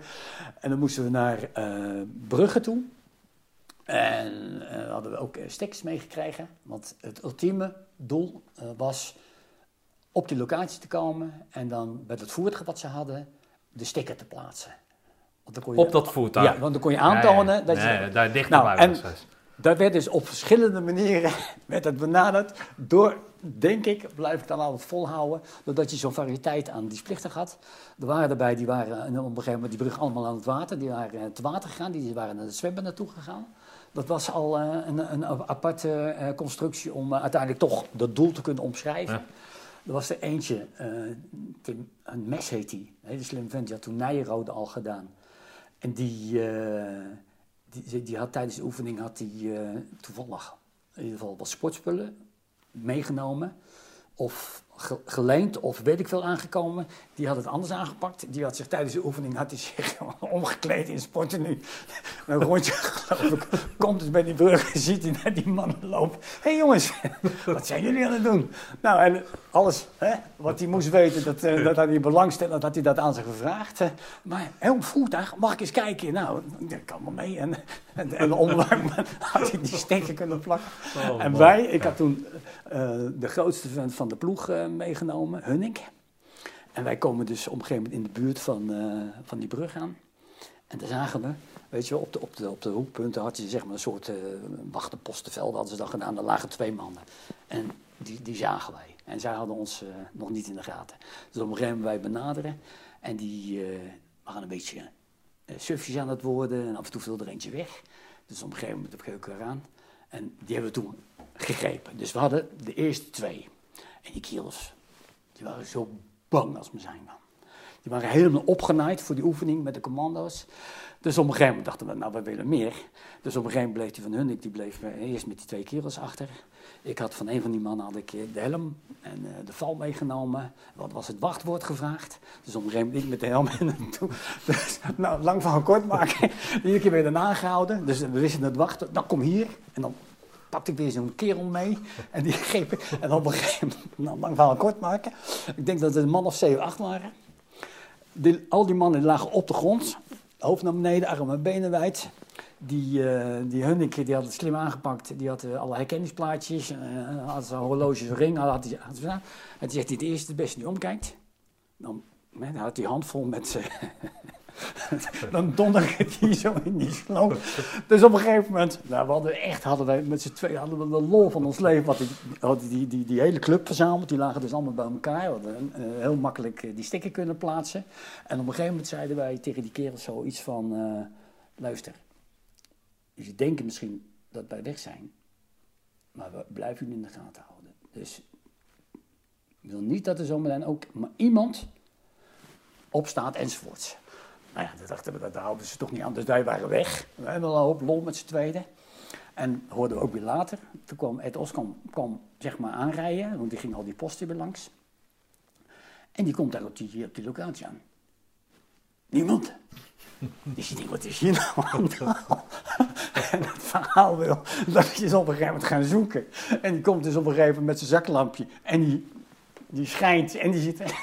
Oh, die lui nog liggen. Van de mannen die zeggen nog zo liggen. En ik heb geen idee hoe lang wij al weg waren. Maar we hebben nooit iets meegekregen. Maar dat waren al... wel- ja, prachtig. Ja, prachtige verhalen, ja. Ja. Hey, en dan eh, zwaait zo'n peloton af. ja, En dan, hoe ziet, jouw, hoe, hoe, hoe ziet jouw toekomstbeeld dan? Hoe, van, hoe wordt, heb je dat zelf in de hand? Of, of, nee, of nee. wordt nee, dat niet, niet, niet, voor nou, jou geschetst? Ja, wordt geschetst. Ik kwam toen eh, in de, in de, bij de instructiecompie kwam ik terecht. En dan ga je dingen als eh panzerstorm, eh, gevechtscursussen voor KMA en, eh, en KMS ga je doen. En ja, dat heb ik toen een aantal, twee jaar denk ik of zo gedaan. Is dat leuk? Ja, toch wel. Het is wel, zeg maar, hè, Hoezo toch wel? Want Nou, ik moet duidelijk anders zeggen. In het begin, ik, ik heb zeg maar in, in de verandering gezeten dat je, je komt in een familie. Eh, je collega's worden je vrienden, worden je de Nee. Je draaide samen, de en je woont op de kazerne, dus je, bent, Ja, je, maakt, je hè, je bent volledig lid. je, je was bijna altijd met elkaar bij elkaar. En Ja. toen kregen we echt dat je moest eh, zeg maar, je uren gaan, gaan registreren. Je, moest, je mocht maar een, een aantal uren draaien. Dus Rond welk tijdstip of welk jaartal Ja, was dat, dat? dat zal toch een beetje ook in die periode 80, begin 80 of zo zijn geweest. Dat dat allemaal net wat anders eh, werd. en je veranderde Is dat dan een beetje zoals Arbo-wet en dat, dat Ja. soort dingen dat dat er Ja, erin en dat, dat sloot, haalde zeg maar? toch een beetje van de, de, de charme en het, het, het gezellig met elkaar, het leuk met elkaar op oefening gaan en langdurig met elkaar haalde weg. Want je, je loste elkaar af. eh, Ja, ja. Je draaide met minder mensen, je deed je oefeningetjes. En eh, ja, daarna nam het ander weer van je over. Want je, je mocht maar een beperkt En daarvoor uren. deed je dat gewoon helemaal. Dat, ja, deed Als je dat- dan was je gewoon dag en nacht daar. dat en was dan, je- ja, ja, ah, ja, en dat ja. is wat dat. Ja, dat, dat, En dat had bepaalde voldeed meer aan dat avontuurlijke, gezellige met z'n allen. Oké. Ja, en toen eh, ben, even kijken, moet ik even nadenken. Ik ben niet zo goed in zeg maar, eh, de, de Ja, maar jaartallen ongeveer- erbij, maar ongeveer. daar heb ik, eh, toen ben ik instructeur commandopleiding geworden. Een paar lichtingen. En toen, even kijken. Ik heb twee lichtingen als PS gedraaid bij, bij de 104. Eh, toen ook weer, en een van de lichtingen ben ik toen ook weer als instructeur geweest met een peloton daar naartoe. En ben daarna nog een keertje. Wat is, is dat een voordeel geweest. of niet? Dat je die kerels dan Ja. zeg maar, van haven tot god kent? Ja, ja dat heeft wel, eh, wel heel veel voordelen, ja. Oké. ja. Nou, we hebben ook wat, wat, wat, wat bijzondere eh, mensen gehad in de opleiding. Eh, Bijzonder in de zin van wat ze later geworden ja, wat, wat ze later geworden. Eh, bij één peloton zat je, ik weet niet of je het verhaal van de sergeant Tilde wel eens meegekregen hebt. Ja, met, het, eh, met dinges, toch? Met de, het eh, Vreemdelingenlegioen? Ja, die, die is uiteindelijk, hè, kreeg hij toch niet wat hij kreeg bij het korps. En, en later ging die, volgens mij is hij naar eh 42, 42 Speenpad gegaan of zo. Maar die, die, die kon toch inderdaad zijn eind niet kwijt. Het Vreemdelingenlegioen gegaan. Verhalen wel een keer aangehoord van hemzelf of via anderen, weet ik niet. Dat hij uiteindelijk ook zijn familie ingezet heeft om te deserteren.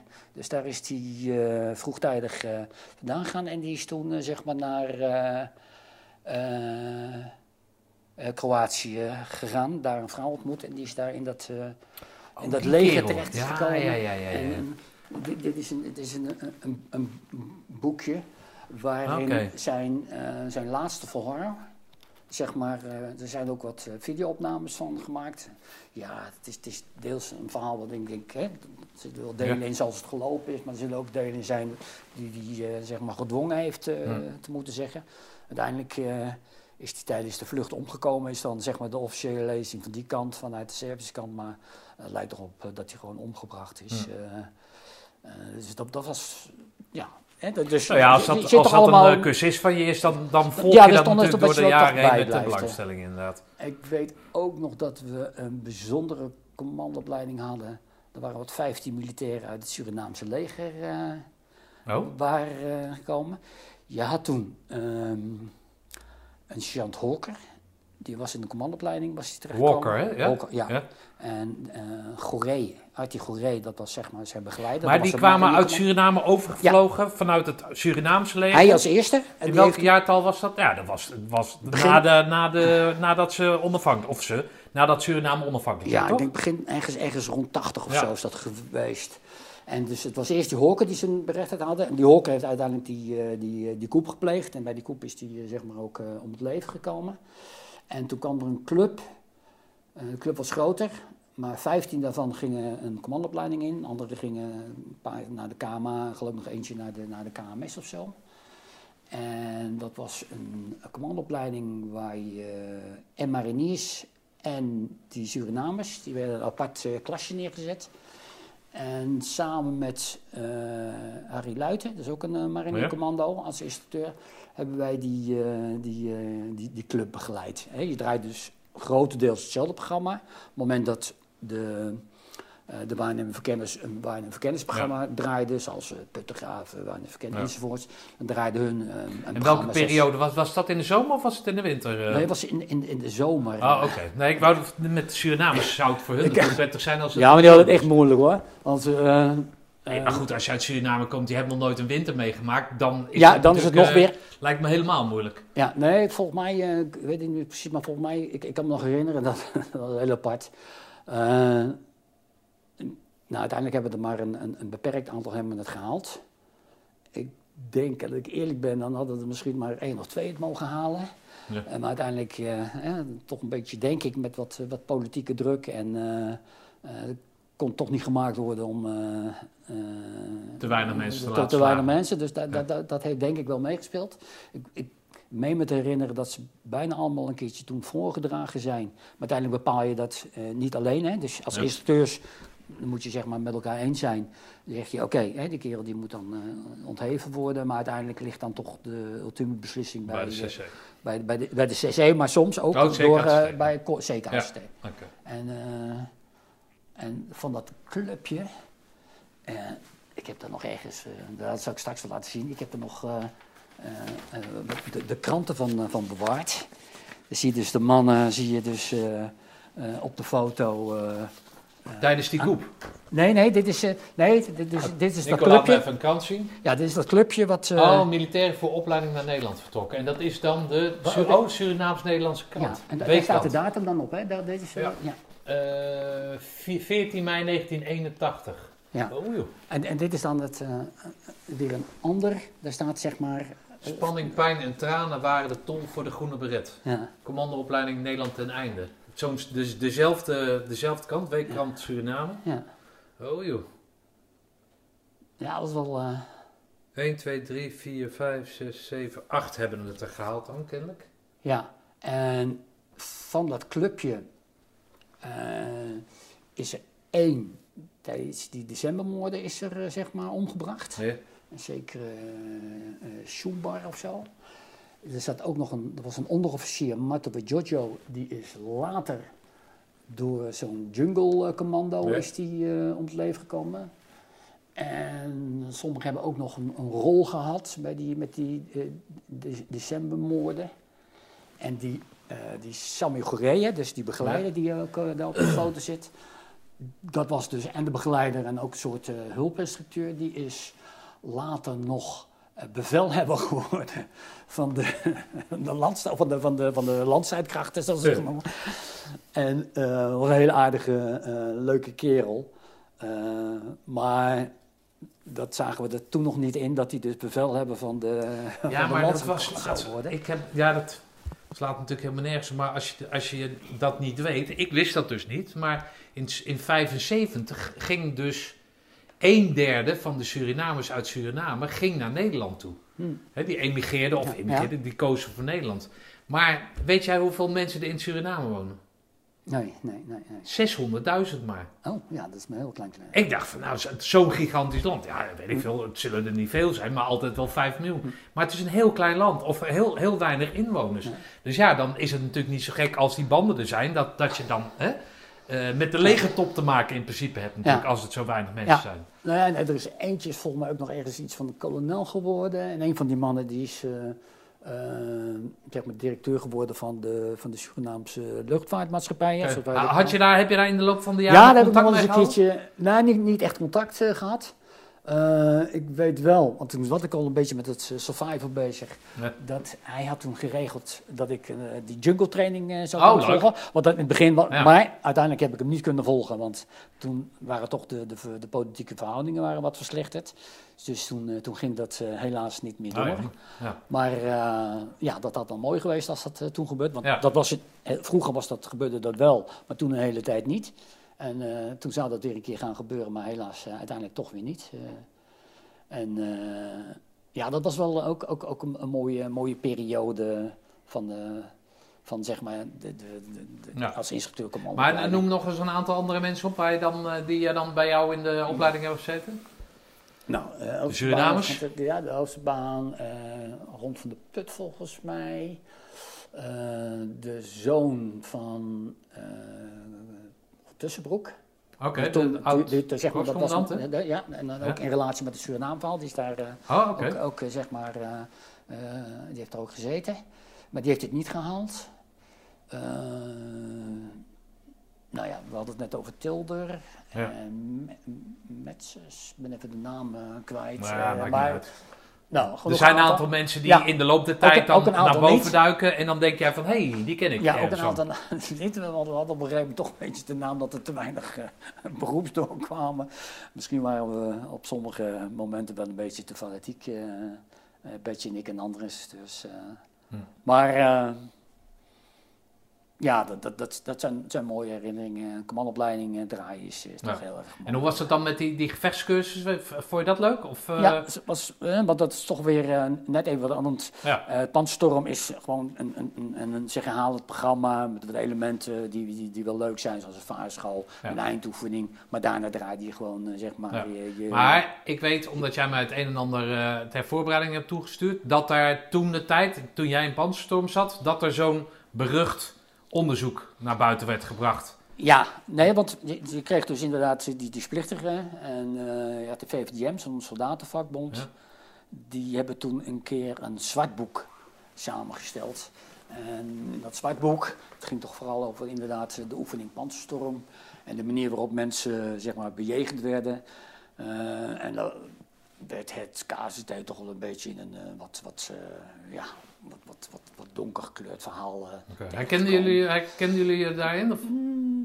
Ja, want daar was het eigenlijk wel bedoeld voor. Hè? Want het, was uiteindelijk, want ook die militairen, die, die konden dus eh, zeg maar eh, in, in, in een oorlogssituatie, konden ze dus in, in de omstandigheden terechtkomen dat ze dus ergens op die Noord-Duitse laagvlakte in een gevecht waren, dat de vijand over zich heen zouden gaan en dan moesten ze, hè, dan in vijand gebied Ja. gekomen, moesten ze door op een bepaalde manier te verplaatsen, eh, eventueel eh, tussentijds nog overvallen, hinderlagen. Dus daar was die, eh, die, die oefening op, op gericht. En daar hoorde dat fysiek en mentaal belasten van, van die mannen hoorde daarbij. dus ja, Maar herkende je je ja. in de kritiek die daarover gegeven werd? Ja, Je kan je ja. natuurlijk voorstellen dat dat niet met een paar A4'tjes gaat van jongens, zo gaat het. Dus je, hè, je wil dat toetsen en je wil die mensen toetsen. En, en, Nee, je was fanatiek. maar was dat, ging dat wel eens over de scheef zoals dat eh, toen, eh, toen gezegd werd? Verteld werd? Want het grappige is, Ja. Nico, dat zal ik je vertellen. Ja, jij zit niet op eh, Facebook, maar ik dus ja. sinds kort wel, sinds een jaar wel. Er is dus een gigantische Facebookgroep van Spanstorm. Oh, Daar ben ik geen lid meer van, want ze hebben mij gewarieerd omdat ik te veel van die verhalen Ja, ja. daar poste. Maar er zijn, ik dacht zoiets van 1500, 2000, 3000 mensen zijn daar lid van. En daar, ja, hoe lang is dat geleden? Dat is 100 jaar terug, weet Ja. je wel? En daar komen gewoon continu herinneringen van dat panzerstation. En het is maar twee weken. Ja, ja. Oké, ook is ook maar ook acht weken. Maar twee weken waarin mensen dus, weet ik veel, honderd jaar later nog steeds over ver- ver- verhalen. En wat, Dus- zijn dan, eh, wat is dan het... eh, Nou ja, hoe zwaar het was. Ja. eh, eh, nou ja, en dus daarom, daarom vraag ik van, goh, wat nou dan in dat rapport stond van, van die VVDM, een, een, een gevleugelde organisatie toen, toch? Want dat, was, dat ging ook over dienstweigeren en dat maakt zich daar ook hard voor. Dus als dan zo'n rapport naar buiten komt, dan moet jij je echt persoonlijk aangevallen voelen worden als dat, dat rapport dan uitgebracht wordt met die kritiek, of niet? Ja, ja dat, dat, ja. maar dat klopt. Nee, wat je zegt, eh, dat- dat, is zo. Eh, maar het is niet zo dat je zo zeg maar, in elkaar steekt dat het je eigen gedrag is, maar toch zeg maar, een, een rol die je doet eh, vanuit het idee. En, en sommige mensen hebben daarin overdreven misschien, maar toch dat, je, dat dat van je verwacht wordt. Ja, Ja, je, je bent nou ja jullie vullen het in zoals het Ja, geïnstalleerd wordt. en, en ik weet nog goed, dan, en als die mannen dan komen, dan begon het met een inspectie. Ja, dan, eh, dat, was, eh, dat was schrikken voor die mannen. Ja. Want er werd natuurlijk een hoop, eh, ook, ook wel geschreeuwd natuurlijk. En niks was goed. En was constant, eh, jij niet goed, dus ma- maak maar een paar rondjes. Dus dat, die eerste confrontatie die was wel enorm voor die mannen. En daarna hadden ze een, een pittig programma. Eh, ja, en dat speelde natuurlijk ook mee. Dus eh, zeg maar, eh, De ex- Het- het totaal- externe motivatie was hoog. Ja. Die werd hoog gehouden. Ja. Ja, en af en toe ging je dan nog wel eens een keertje misschien, ja, dat je dan net eventjes te veel brulde dat je dat nu nog zou doen. Ja. Want dat gebeurde, ja. Oké, Maar goed, de, de, de missie van de oefening was om die, om die kerels zo te trainen in twee weken. Mhm. Dat mocht het ooit tot oorlog komen en mochten ze ooit van, van eh, eh, afgesneden zijn. Dat wisten ze hoe ze zich mochten verplaatsen. Ja. Er zaten wat elementen in, eh, hè, met, met hoe ze met water om zouden moeten gaan. Dus Ja. het programma vaarschap, drijfpakketjes maken, dat soort dingen. Maar ook wat, ze, wat overlevingslessen zaten, daar, zaten daarin. Dus, maar ja, we hadden het over dat, dat zijn- zijn toch voor jou als instructeur, zijn dat eh, twee weken die zich telkens herhalen. Ja. En Ja. voor eh KMA en KMS, die, ja, die zaten weer anders in elkaar. Dus die waren dan in die zin wel weer leuker. En in ieder geval. Omdat dat met afwisseling. is, of in ieder geval Ook, ook, beroeps. ook, ook dat, ja, Ja. ook dat. Maar dat waren dan weer zeg maar de, de, de, de afwisselingen. Hm. En, en die had je niet heel veel, maar zo af en toe wel. In die periode hebben, had je ook de arrestatieteams die, eh, die werden opgericht. Ja. En die vonden ook... Dat Bij de zich- politie. Bij de politie, bij Ja. de Rijkspolitie. En die vonden toen ook dat ze zich op een bepaalde manier eh, eh, moesten onderscheiden. En die hadden ook een eigen opleiding om in zo'n arrestatieteam terecht te komen. En toen hebben bij het KST hebben ze toen zeg maar een, eh, een, een tweewekelijkse oefening hebben ze elkaar gestikt. En Charlie Schuilenburg eh, en ik die hebben daar de eerste twee, drie, denk ik, van gedraaid. En er kwam dus zo'n club met gemotiveerde politiemannen die in zo'n arrestatieteam eh, terecht wilden komen. En die hadden ook een beetje eh, de opzet, zoals wij het ook kennen, een stukje vooropleiding, en een stukje nog weer wat heftiger. En dan ook een soort eindopleiding. En in die eindopleiding kwamen ze dan bij ons voor twee weken. En dan draaiden ze een, eh, ja, noem het maar Panzerstorm Plus programma, of misschien een gevechtscursus Plus programma. Werden ze ook weer, en daar waren die mensen, mensen niet gewend, eh, werden ze ook weer, zowel mentaal als fysiek, werden ze toch wel anders benaderd dan dat ze gewend Nou, waren. tijdens onze ECO kwamen we dat wel eens tegen. Ik weet nog dat er toen werd verteld van nou, ja, jullie hebben het zwaar, maar deze kerels, die hebben het echt zwaar. En dat lag dan meer omdat dat er maar één of twee waren en dat daar, weet ik veel, twee, hè, dat was bijna één op één begeleiding zeg maar, voor motivatie. Terwijl bij ons kon je, ja, zeker in het begin, toch nog een beetje verstoppen. Ja. Maar die lui dus niet. Oh, daar heb jij dus aan de, aan de basis van gestaan. eh. Ja, dus samen met, samen met Schuilenburg. Eh, dat was dan zeg maar de, hè, de, de oudere, nog meer ervaren instructeuren. En samen hebben we dat, dat programma uitvoering gegeven. En de focus was inderdaad op dat mentale en dat fysieke aspect. Maar wat zij heel erg interessant ook vonden, dat was eh, onze manier van eh, troepenaanvoering. En hoe je uiteindelijk een bevel geeft.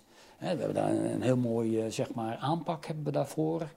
met van tevoren al die voorbereidingen.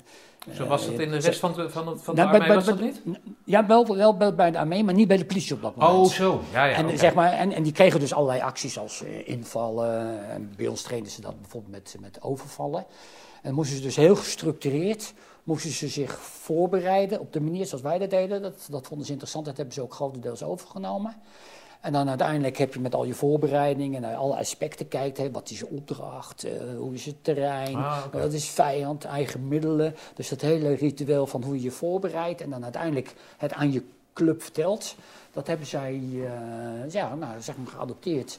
En dat, eh, dat hebben ze vertaald naar hun eigen werkwijzes. En dat hebben ze ook gedaan. En dat waren, ja, dat waren leuke periodes. aparte periodes. Waar je ook, eh, ook je fantasie ook een beetje als instructeur kwijt kon. Ik weet nog goed- Ja, dat lijkt me wel, ja. ik weet nog, zij mochten toen ook eh eh, kippen slachten. En normaal gesproken werden die kippen werden altijd aangeleverd. Hè? Dus in, in zo'n panzerstorm was het allemaal, logistiek was het allemaal geregeld. En op de dag dat dat op het programma stond, dan kwamen die kippen.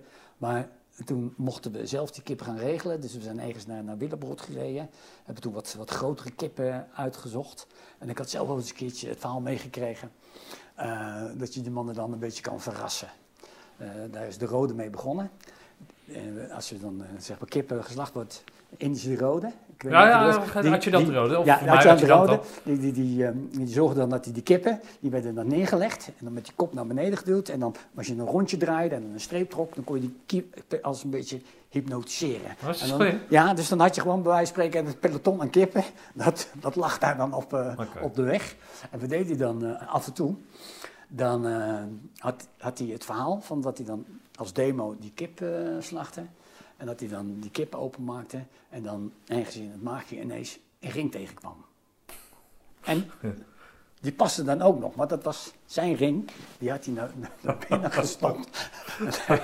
En we ook nog een keer een geitje uitgehaald. Want hij mankeerde die kip natuurlijk altijd.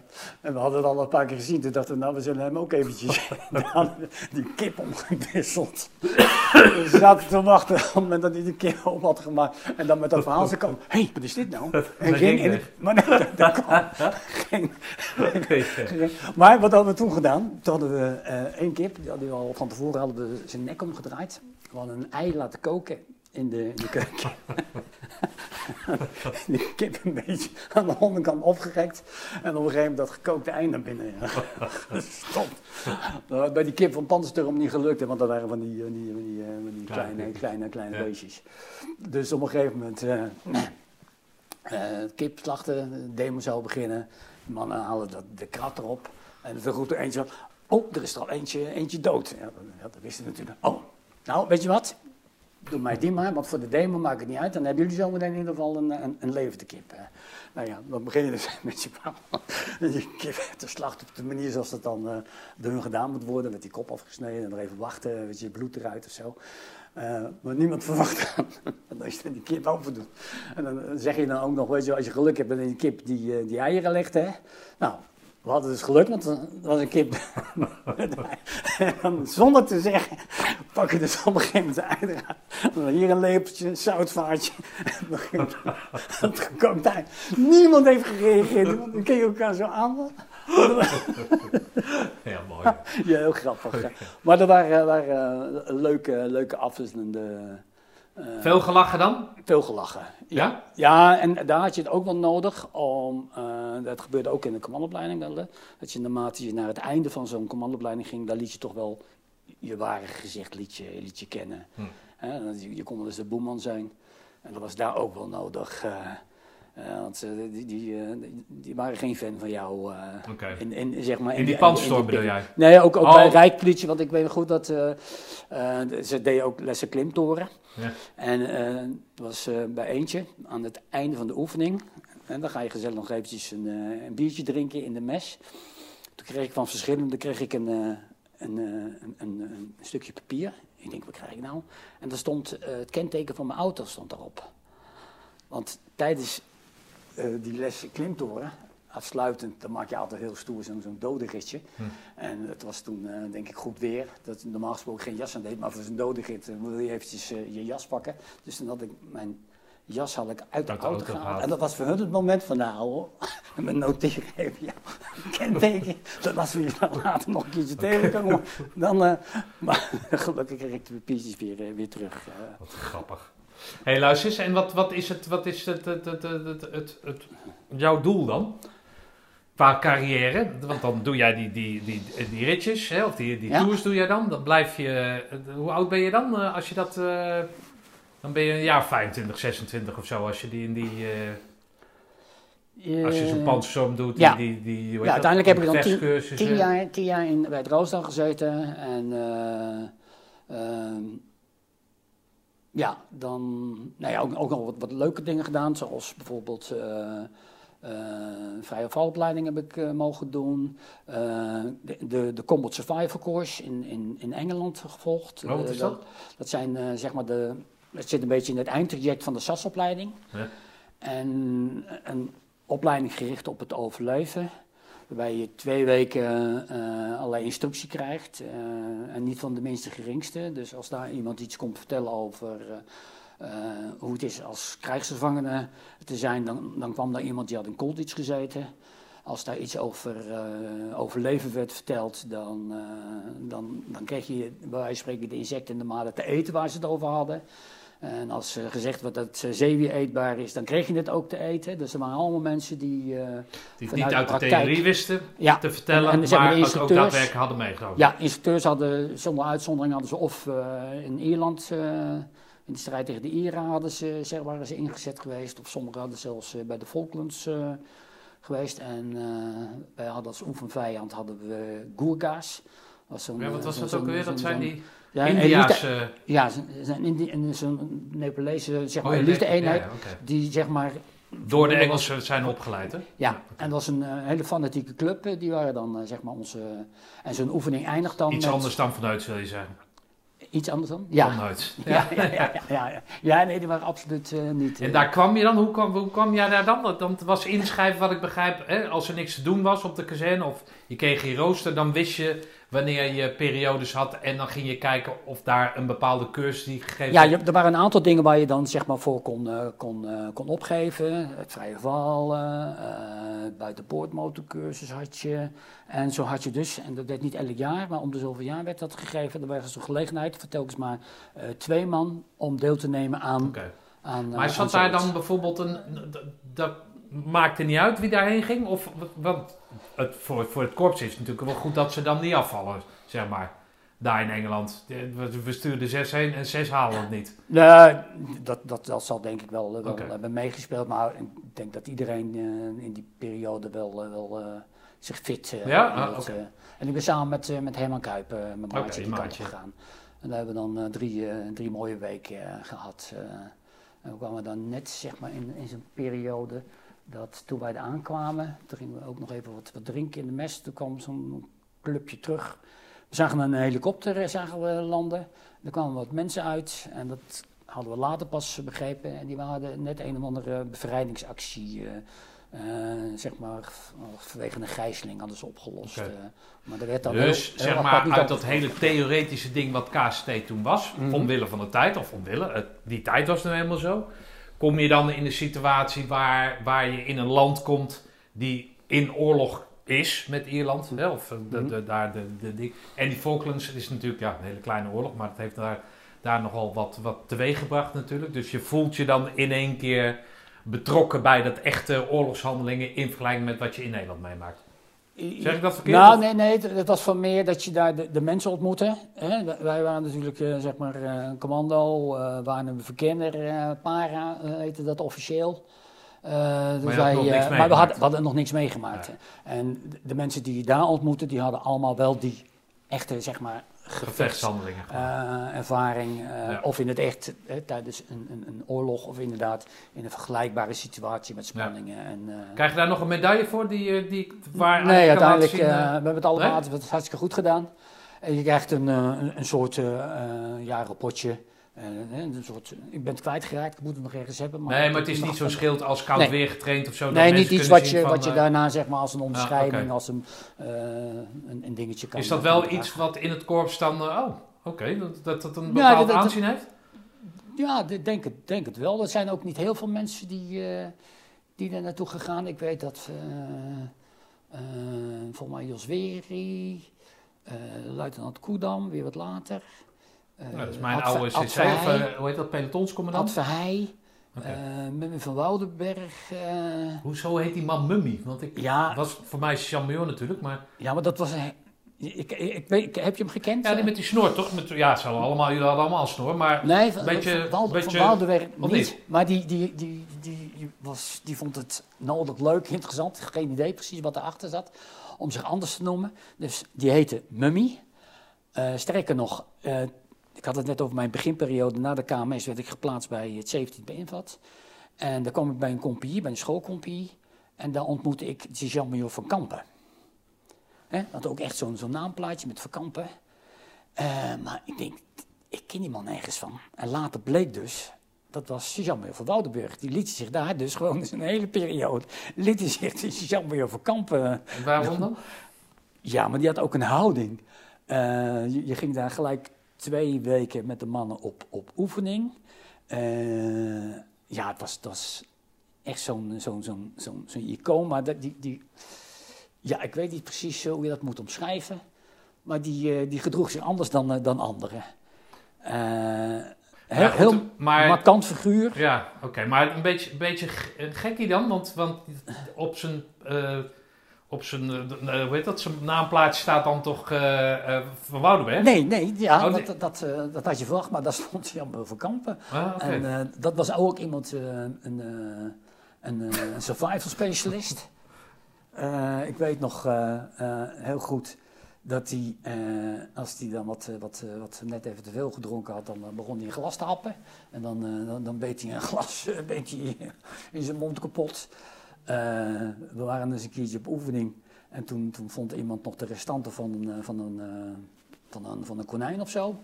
Nou, daar zat nog wat vlees aan, zag hij. Dus daar begon hij ook nog eventjes aan te... Aan te we hebben hem meegemaakt toen... wa- toen zaten wij nog in zijn opleiding eh, in Harderwijk. En toen was hij voor een sergeant opleiding. En toen wisten wij al, "Nou, dit is een commando. En die mannen die, die, die vielen toch wel op. Maar daar kwamen ze erachter, zat je daar in de ingang van de officiers, on- onderofficiersmes, had je een, eh, een aquarium. En daar zaten, naarmate de cursus vorderde, zaten er steeds minder vissen in. Want wat deed hij? Die kwam niet binnen. En dan graaide hij weer in het aquarium. En dan plukte hij daar gewoon een paar van die visjes uit. En die, Die hij die, die vrat hij gewoon op. Een heel markant figuur. eh. ja. En die noemde zichzelf dus Mummy. Ja, ja en, maar die, die- het verhaal wat ik wil vertellen, dus dat hij ook daar tijdens die, eh die, die, die SAS-opleiding, Ja. je hebt daar dat je op een gegeven moment een schaap eh, moet slachten. Ja. Dan hebben ze een mooi verhaal, want als je zo'n schaap op een gegeven moment geslacht wordt, dan wordt je zeg maar zijn, zijn nek doorgesneden. Dan krijg je die net als een kip, krijg je die spierverkrampingen. Maar zo'n schaap wordt gesneden dat hij op zijn zij ligt. En we begrepen het niet, maar op een gegeven moment, de instructeur was tijdens het slachten. En dan, dan was hij op een gegeven moment vertellen van, let op, hij wil zo meteen zien wie zijn eh, keel doorgesneden heeft. We begrepen, maar dus op een gegeven moment krijgt zo'n schaap, dus als die zeg maar gesneden is, dan krijgt hij zijn spierverkramping. En die komt dan met zijn bovenlichaam En dan kijkt als en ik, dan lijkt het alsof hij achterom keek. Dus op een gegeven moment wordt zo'n eh, schaap eh, wordt, geslacht. en daarna mag je dat dan ook doen. Eh, niet iedereen, hè, want eh, dezelfde schapen waren niet. Maar bij uh, Mum van Woudenberg gaat het verhaal dat die slachten dus een drachtig Ja. schaap. Dus op een gegeven moment, bij het verder slachten, vinden ze dus nog wat ongebeur eh, eh, vruchten. En dat werd dus hè, uit een beetje van, nou ja, oké, dan blijven we vanaf werd het neergelegd. En het verhaal wil, je kunt het om, maar ik heb het al meegekregen, dat op een gegeven moment van Woudenberg eh, met die nog ongebeurde vrucht naar die instructeurs ging. En ze zei dan, hé, hey, eh, mo- mogen we dit dan niet gebruiken? Ja, ja, om aan te geven ja, oké, hoe markant je kan zijn inderdaad. Maar geweldig, geweldig figuur. Ja, nou ja, als het goed is, hebben wij hem toen de tijd daar niet gehad. Als wel dat, dat we weten wie, het, wie het was. Maar dat, die falen, die ken ik helemaal niet. Maar, inderdaad. dat, maar nou, dan- en dat- dat vond ik ook wel weer mooi. Dat is wel ook, ook iemand eh, met in die zin een keerzijde Ja. eh, naar eh, instructeurs toe. Of nee, naar, instru- dus, dus naar eh, cursisten toe, eh panzerstorm. was het gewoon een hele lieve eh, sociale instructeur. Die kon, eh, zeg maar, onder elkaar stoere jongens, uh, kon die eh, eh, ja, de ruige figuur zijn. Maar nee, zijn, eh, zijn cursisten, ook tijdens de oefening uh, Panderstorm, dan keken we met verbazing hoe, hoe vriendelijk Grappig, ja. en, eh, en die, de kon zijn naar die mannen toe. Ja. Apart, hè? Ja, dus ja, we gaan even pauzeren. We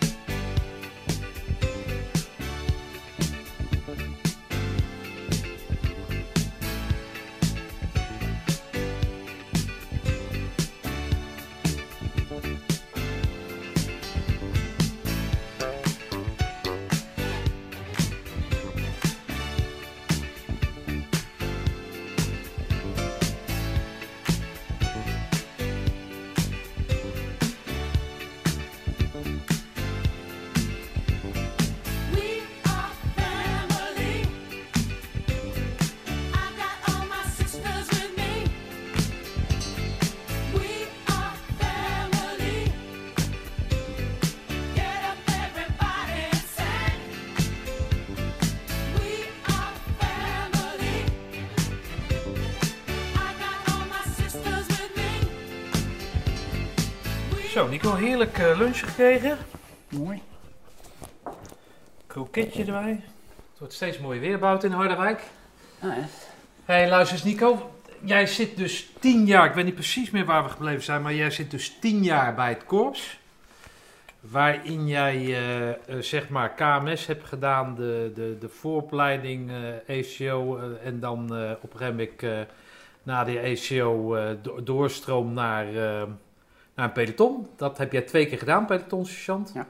Je hebt de eh, Panzerstorm heb je, heb je vervuldig eh, gedaan. Je hebt de, samen met Charlie Schuilenburg dat arrestatieteam een gezicht gegeven. Of in ieder geval de opleiding daarvoor. Maar dan ben jij Chant 1. Ja. Ik ben altijd benieuwd, wat is jouw toekomstbeeld? Dat heb ik al meerdere keren gevraagd en dan lul je er elke keer weer omheen met die eindeloze vertrouwen. Maar wat, wat tien jaar, eh, bijvoorbeeld, hoe, hoe ga je, heb je liefde? Of eh, wat, hoe, hoe zit dat in die tijd? Ja, ik was eh, zeker eh, een liefde. Eh, wij, even kijken, in, tot 78, 79, ja, in 79, nee, 78 heb ik eh, mijn alles eh, José eh, ontmoet op eh, een verjaardag van eh, Joyce. Die heette toen nog Joyce de Bakker. Getrouwd met Jeffrey de Bakker, ook een, eh, een, een commando in die tijd.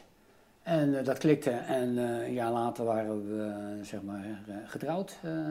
Zo, geen glas, gas Ja. overgroeien dan? en toen zijn we ook in, in Roosendaal gaan, gaan wonen.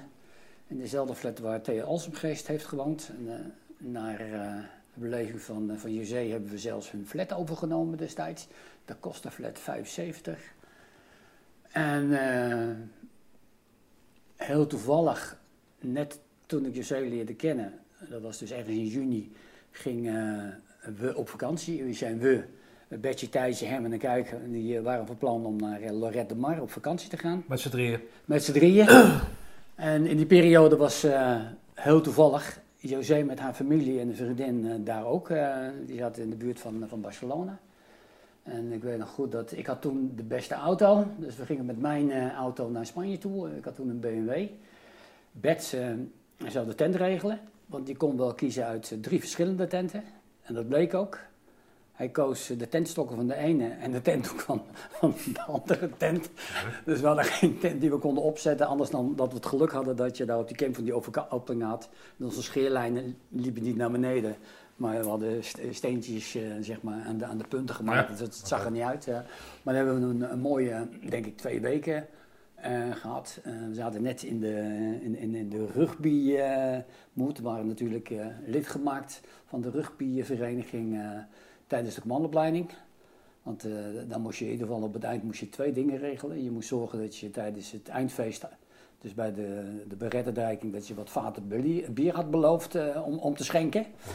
En dus daar Voor werd je je op mes. aangesproken. Ja, daar werd je op Ja. aangesproken. eh, op straffen van, als het niet voldoende was, dan, dan liep je wat meer. En dat ging ook zo met de lid worden van de, van de rugbyvereniging. Dus dat was of lid worden of de club nog Had jij meer. sowieso belangstelling in rugby of was dat gewoon meer omdat het opgedrongen werd? Nou, ik wilde dat wel doen, maar ik was meer een voetballer. eh, Ah, ik- oké. ik Dus was- je had, je had geen rugbyachtergrond. Nee, ik, ik kon Ah. aardig voetballen, want net voordat ik de dienst ging was, had ik mijn eerste uitnodiging voor de, de Haagse jeugdselectie Oh, ja. gekregen. Oké, Dus, bij welke voetbalclub eh, voetballen? Groenwit 58. eh, Oh, zo- zo- dat, dat zat, wij zaten, eerste jeugd zaten we ergens in Wassenaar. Bij Duindicht hadden we toen eh, sportvelden. En daarna zijn we in de buurt van Spoorwijk gegaan. Oké. En, dus dat, dat voetballen, dat, dat was toen mijn ding.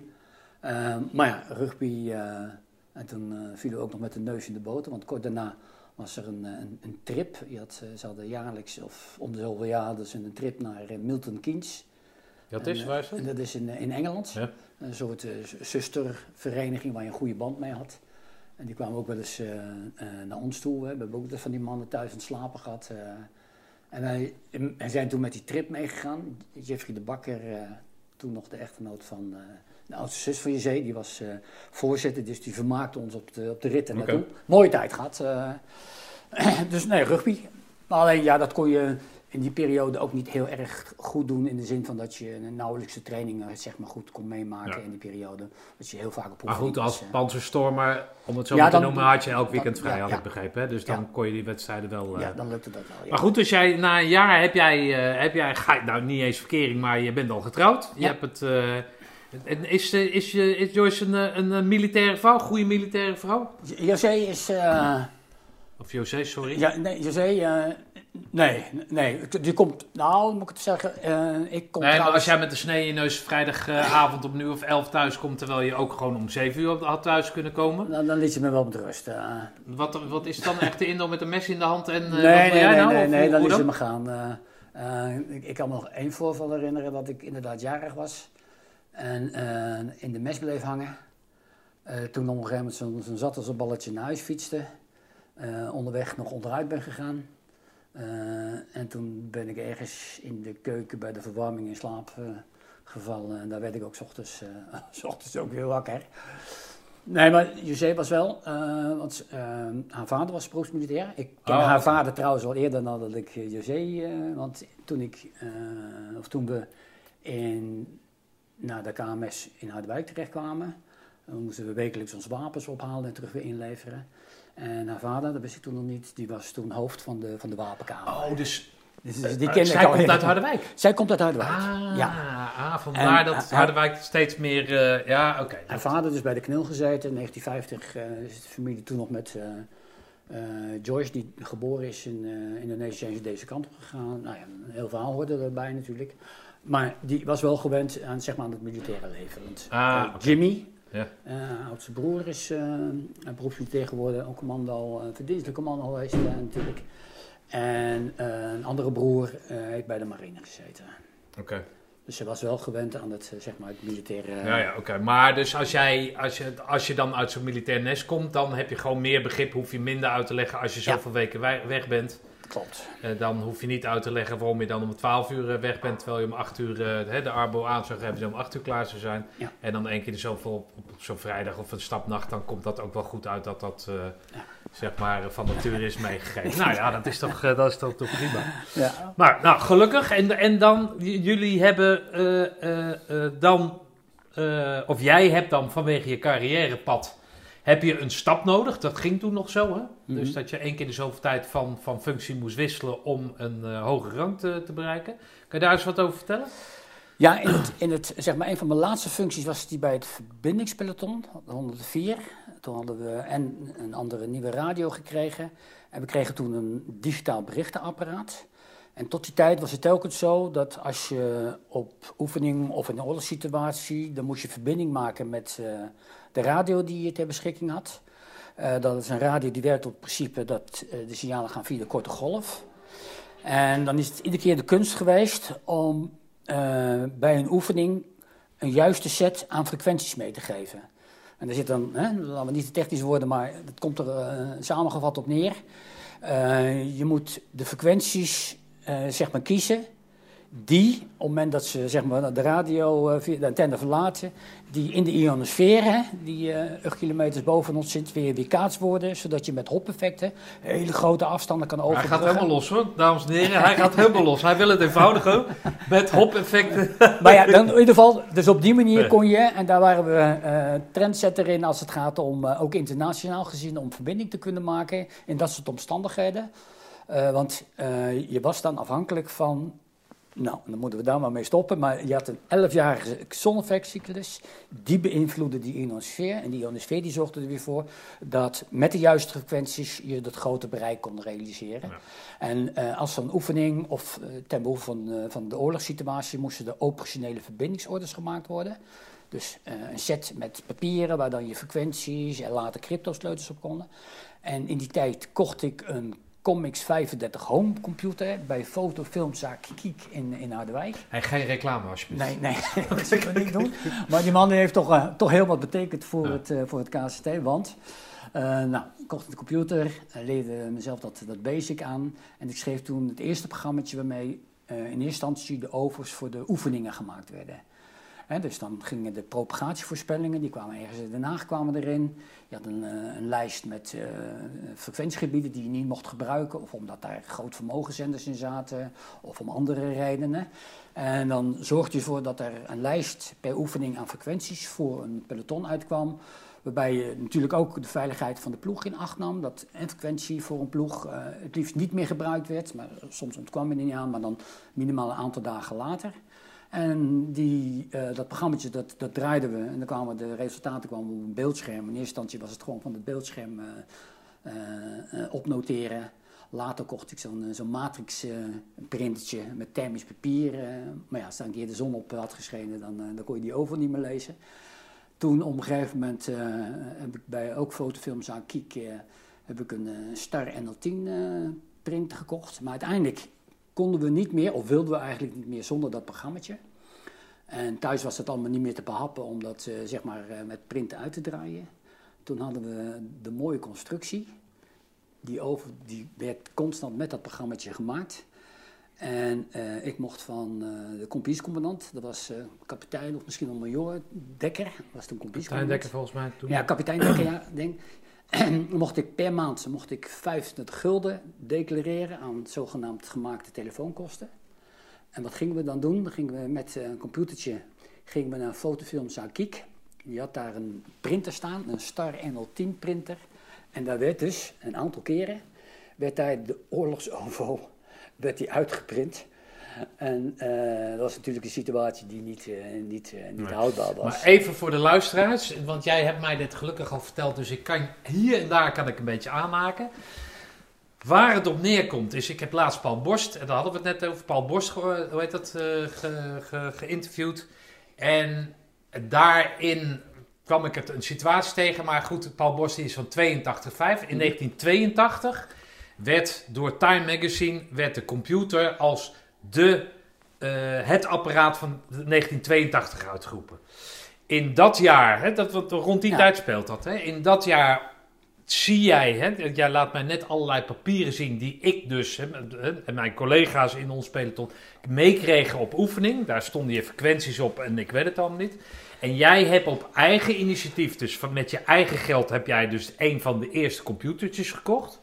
Ja. En ben jij dat hele, waar wij dan met stencils, stencils op weg gingen en in die put dan die...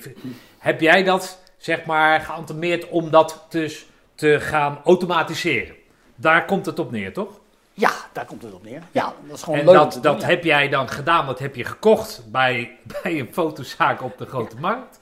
Daar die resultaten die jij uit jouw computer haalde, die liet je uitprinten omdat hij een print had. Ja. Later koop jij ook een printertje. Ja. En dan, het- dan evalueert dat naar iets, en dat ga je zo vertellen, maar evalueert het. Ik maak dat verhaal even af Ja. omdat ik het gehoord heb. Dat evalueert dan dat de, de, de, de, de, hoe heet dat, de legerleiding ziet dat dat een resultaat heeft. En dan wordt jouw activiteiten worden opgepikt door het legerkorps. Toch? Klopt. Ja, want dat programma, hè, omdat het, die situatie natuurlijk niet houdbaar is, wordt dat programma overgeschreven naar eh, IBM Basic. En dan krijg je het frappant in dat verhaal. Hè. Dus eerst eh, op de maandagochtend bij Fotofilm Kiek moest, dat, eh, moest naar Ede toe. Daar hadden ze toen een, computer staan, een rekencentrum. Eh, afgeschermd, dat doen we dan Hoe groot is die computer dan? Want dat, ja, dat- dat, in mijn beleving was het een, eh, ja, een, zeg maar, een, een, een keuken vol met, met apparatuur. Ja. Maar die was dan helemaal afgeschermd, zodat er ook op afstand niet afgeluisterd kon worden. En vanwege de klassificatie was het dan ook nog een keertje zo dat we mochten pas aan het einde van de dag mochten wij komen om ons programma op te starten. Want vanwege de klassificatie mocht niemand anders op dat systeem. En eh, dus zo'n programma dat draaide de hele, hele nacht. Dus de andere ochtend haalde die doos met papier op, waar dan zeg maar eh, al de OVO's in zaten, die dan de kluis in gingen. En ik weet nog goed ook, eh, om dat contrast aan te geven, dan moesten we ook, als we die OVO eenmaal hadden, dan moesten we met, zeg maar, pistool, dus moesten met, met, met wapens moest die vervoerd worden naar de kazerne toe. En ja, dat was wel een schil contrast. En dat programma dat is eh, uiteindelijk nog overgeschreven naar een andere vorm van, eh, van, van programmeren, een voortrantaal. En nou ja, kort daarna ben ik eh, weggegaan bij het, bij het KCST. Maar nou, ik weet... maar het er speelde dit zich jaren? af voortdurend in jouw vrije tijd. Dus je had daar bu- buiten... Daar, je zat gewoon in dat verbindingspeloton. Ja. Eh, daar was je plaatsvervanger ook. Toch? Ja, en, en s'avonds dan... Ik had Dan, zo'n- dan zo'n- ging jij gewoon in je eigen tijd, ging jij zeg maar het, hetgeen wat jij dus zag, Ja. wat er volgens jou ontbrak aan, hè, dat ging je automatiseren op, op, op Ja. een van de eerste manieren waarop dat mogelijk Ja, was. ja gewoon eh, zeg maar het, het, het, interessante, want dat werd een hobby. eh, combineren met iets waar je inderdaad de toepassing zag voor datgene wat je dacht. Wat Werd je dat dan ook, hè, want dat, zo gaat dat natuurlijk altijd met, met pioniers, werd dat dan ook gewaardeerd door, door, de, door, de, nou ja, door de staf of zo? Ja. Werd dat gezien of het van, ja, hou eens op, we doen het gewoon lekker op dat papier en... eh, Nee, nee, nee. Alhoewel denk ik dat als je dat vergelijkt met ook latere periodes, dat zeg maar het waarderen van, van mensen een beetje een onbenut eh, instrument is geweest eh, in de periode bij het KCT. Heb ik daar wel toen een waardering voor, eh, voor gekregen. eh, om die OVO, eh, zeg maar, te. Nee, maar zag, ja, nee, weet je niet. Dat- hartstikke nou, dat is dan uiteindelijk de waardering. Ja, de maar, rest, ja. nee, maar werd, daar, werd daar sceptisch naar gekeken? Of ze van, ja, doe eens normaal. eh, nee, niet sceptisch. Of was maar, dat wel zo van, nou, als jij dat voor elkaar kan krijgen, dan zou ons dat kunnen helpen? Was dat besef er? Je werd niet tegengewerkt. Nee, maar ik niet was, tegengewerkt, Maar, maar- het was ook niet zo dat er tijd, dat je dat dus, je moest het wel in je vrije tijd doen, op je, in je eigen uren. Ja, maar dat was geen straf, dat vond ik leuk. Nee, natuurlijk, Eh, maar het was niet zo van, nou, als jij nou iets zo vertelt, ga dan tijdens diensturen dat doen. Nee, dat, eh, dat, dat zat er toen niet in. Nee, ehm, het, was wel een hele leuke, aparte, inderdaad, eh, toch wel ook een peri- pioniersperiode, omdat het zeg maar, de eerste toepassing was eh, die, eh, die gebruikt werd voor dit soort doeleinden. Later, nog zeg maar via de WZZ, hebben we de eerste computerclub van het KCT mogen, mogen neerzetten. Daar kregen we volgens mij van iets van 1100 gulden was dat toen. Kregen we aan, eh, aan een potje. En dan konden Welk we jaar dan, hebben we het over? eh, Volgens mij was dat Oh, 86, ergens ja. 86 of zo. Eh, Ja. En dan hadden we op de donderdagavond hadden we zeg maar een soort inloopavond, eh, een computerclub. waar Maar het eh, was, sorry dat ik je ontbreek, maar het was eigenlijk een beetje te vergelijken zoals de eerste televisies in Nederland. Niet iedereen had een televisie, Nee. maar eh, weet ik veel, in de straat hadden, waren er twee televisies. Zo was het ook met de computer, hè? Ja. Nou, misschien weten de mensen nog wel. Het was ook de periode dat bijvoorbeeld de Commodore 64 was een spelcomputer. Ja. Dat die toen uitkwam. Die was dus helemaal gericht op het, eh, op het eh, toch vooral gericht op het, eh, het spelen van spelletjes erop. Ja. En toen kwam een variant erop. En die heb ik toen gekopen om, gekocht omdat je daar die basic taal goed op kon, kon leren. Ja. En, En dat heb je zelf allemaal aangeleerd. Ja, ja, ja. ja, ja. Dus niet dat je een cursus volgde of Nee. de LOI belde van, Nee, hey, wat- want het, het was er niet. Nee, dat was het niet. En niemand had er zeg maar, ook geen weet van. Eh, ik weet wel dat het toen wel wat, in die zin wat, wat indruk maakte. Eh, omdat je ja, toen een van de weinigen was, dus in het land der blinden met één nog koning eh, was. Omdat je iets van die automatisering al wist. Maar het was maar een heel klein beetje wat ik natuurlijk wist. Maar Nou ja, ten ik kan me zelf herinneren dat bijvoorbeeld met die mobiele telefoon, dat ik zo, of nee, dat was met de sms. Dat toen, in dat ik, wat ben jij het doen? Ja, Hmm. nee, ik een berichtje sturen. En dat hij dan uitlegt, ja, dan krijgt zij een bericht en dan zegt ze van, eh, kan zij antwoorden, ja, ik- over tien minuten ben ik er. Ja, ja. En dat ik dan zei van, ja, maar dan kan je toch net zo goed bellen, weet je wel? Eh, Dat je dat totaal niet... En nou, nou hangt die hele wereld aan elkaar, eh, van, van elkaar berichten sturen. Nou, daar ben jij dus, zeg maar, in dat beginstadium, heb jij daar aan de, in ieder geval voor Defensie aan het wieg gestaan. Ja, ja ik, ik weet nog goed. Dat, ik werd toen nog door Dekker, dat was toen onze compagniecommandant, nog gevraagd om eh, ook nog eventjes wat, eh, wat, eh, wat lesjes, instructies te geven aan zijn, aan zijn vrouw, aan Mark Dekker. Dus dat was natuurlijk een hele aparte constructie. Want die hiërarchie die, die speelde toen, denk ik, nog wat meer dan dat het nu speelt. Ja. Dan kwam je dus als, als jong sergeant... dan kwam je daar wat privéles geven aan eh, zeg maar, de, eerste. Nee, nee, nee, dat was... Oh, eh, was eh, Oh, lekker dan. Nee, want ze voelden het niet als, zeg maar, als, als werk, maar gewoon als leuk om te doen. Ah, Oké, En dan ja, indirect toch ook een beetje waardering voor. oké. Maar jij gaat dus dan daar verder in, dan een soort... Ja, want uiteindelijk, hè, dan kom je op zo'n periode, wil je bevorderd worden tot uh, sergeant-major, dan moet je nog een aantal andere functies hebben gedaan. Dus dan word je toch geacht om in ieder geval voor een bepaalde periode, en voor de ene is dat tijdelijk drie jaar, maar in, mijn geval is dat eh, voor altijd eh, gebleken, ga je dus naar een eh, onderdeel. En ik kwam eerst nog even kort, als een soort tussenfase, kwam ik bij opleidingsschool officier eh, infanterie, de Schroki, in Ermelo, waar de onderofficieren Oh, de onder- officieren opgeleid worden, die is plichtig. Die plichtige, ja, ja, ja. En toen kwam ik terecht bij... En wat eh, ging je daar doen dan? Instructeur. Oh, oké. En eh, daar vandaan kwam ik vanwege die zeg maar achter- automatiserings... Achtergrond kan je nog niet zeggen, want dat was nog heel pril. Ehm, maar er was toen natuurlijk heel veel vraag. Dan kwam ik bij de, op het OCI bij de sectie plannen. En bij de sectie plannen, daar eh, maakten ze gebruik maken van die automatisering. Een aantal eh, hele interessante nieuwe dingen. En eh, zoals gemotoriseerd kaartlezen via de computer was een project. Maar project waar ik eh, bij betrokken werd. Maar wilden ze dan alles zelf uitvinden? Of, of was ze ook... Nee, dat was, was want dat wilde ik nu gaan, nu gaan Oh, zeggen. Wij werden dus, eh, op een gegeven moment, ik kwam bij een, een traject terecht. En daar kwamen de eerste gevechtssimulatoren bij de Koninklijke Landmacht. En je had er twee. Je had eh, toen eh, in het optreden had je samengestelde teams. eh, een, een tankpeloton, eh, twee panzerinfanteriepelotons, antitankpeloton. En die hadden natuurlijk allerlei procedures. Hè. Hoe verplaats je je? Hoe reageer je op vijand? eh, hoe speel je het vuil van, eh, zeg maar, eh, vertragend verdedigen? En, En dat er al gesimuleerd, dat, ja, dat op en toen- computer. Toen, eh, dat was helemaal nieuw en er was wel een, eh, een systeem wat door de Duitsers gemaakt was en eh, gebruikt was bij de Amerikanen. Dus ik heb toen een behoorlijke periode heb ik stage gelopen bij het Fysiologisch Elektronisch Laboratorium van TNO. In? In, in Den Haag, Wassenaar. Ja. En vanuit die periode ben ik ook een aantal weken in, eh, in Duitsland geweest. Daar zat de Amerikaanse legerbasis. En daar had je een onderdeel TechMesh. Daar hadden ze die, eh, die simulator die wij wilden aanschaffen, wilden laten ontwikkelen. Die, eh, dus daar ben ik ook een paar weken geweest. En die Amerikanen waren ons toen al, denk ik, misschien wel een jaar of tien voor. Die hadden niet alleen dat als, eh, zeg maar, proceduretrainer. Maar die hadden ook eh mock-ups. Waar je dus het gevecht gesimuleerd kon, Ah, oké. voeren. En dan zat je in een nagemaakte panzervoertuig. Een M100 M110 geloof ik of zo waren dat voertuigen. En dan werd het gevoerd. Dus daar, daar verplaatste die, dat voertuig, hè, dit is een mock-up, dat je verplaatste dus Ja. dus alsof je door het terrein reed.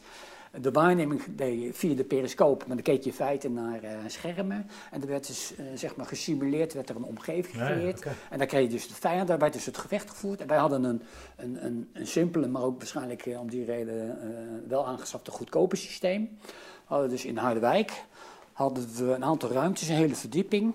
En daar werden kamers, er werd telkens een, een, een vier-eenheid van werkplekken gecreëerd. En, en elke werkplek, daar kon je parameters aan toevoegen. Dus de ene keer was het een tank, de andere keer was het een uh, panzervoertuig, de andere keer was het een antitank. En dan kon je dus, had je een console met zeg maar een bediening voor een chauffeur. En die had een, een, een horizontaal terrein op een beeldscherm. Dan had je uh, de plek voor de commandant. Met al zijn verbindingmiddelen. Die keek dus naar aan de ene kant een horizontaal scherm of naar een bovenaanzicht. Uh, keek dus naar het terrein.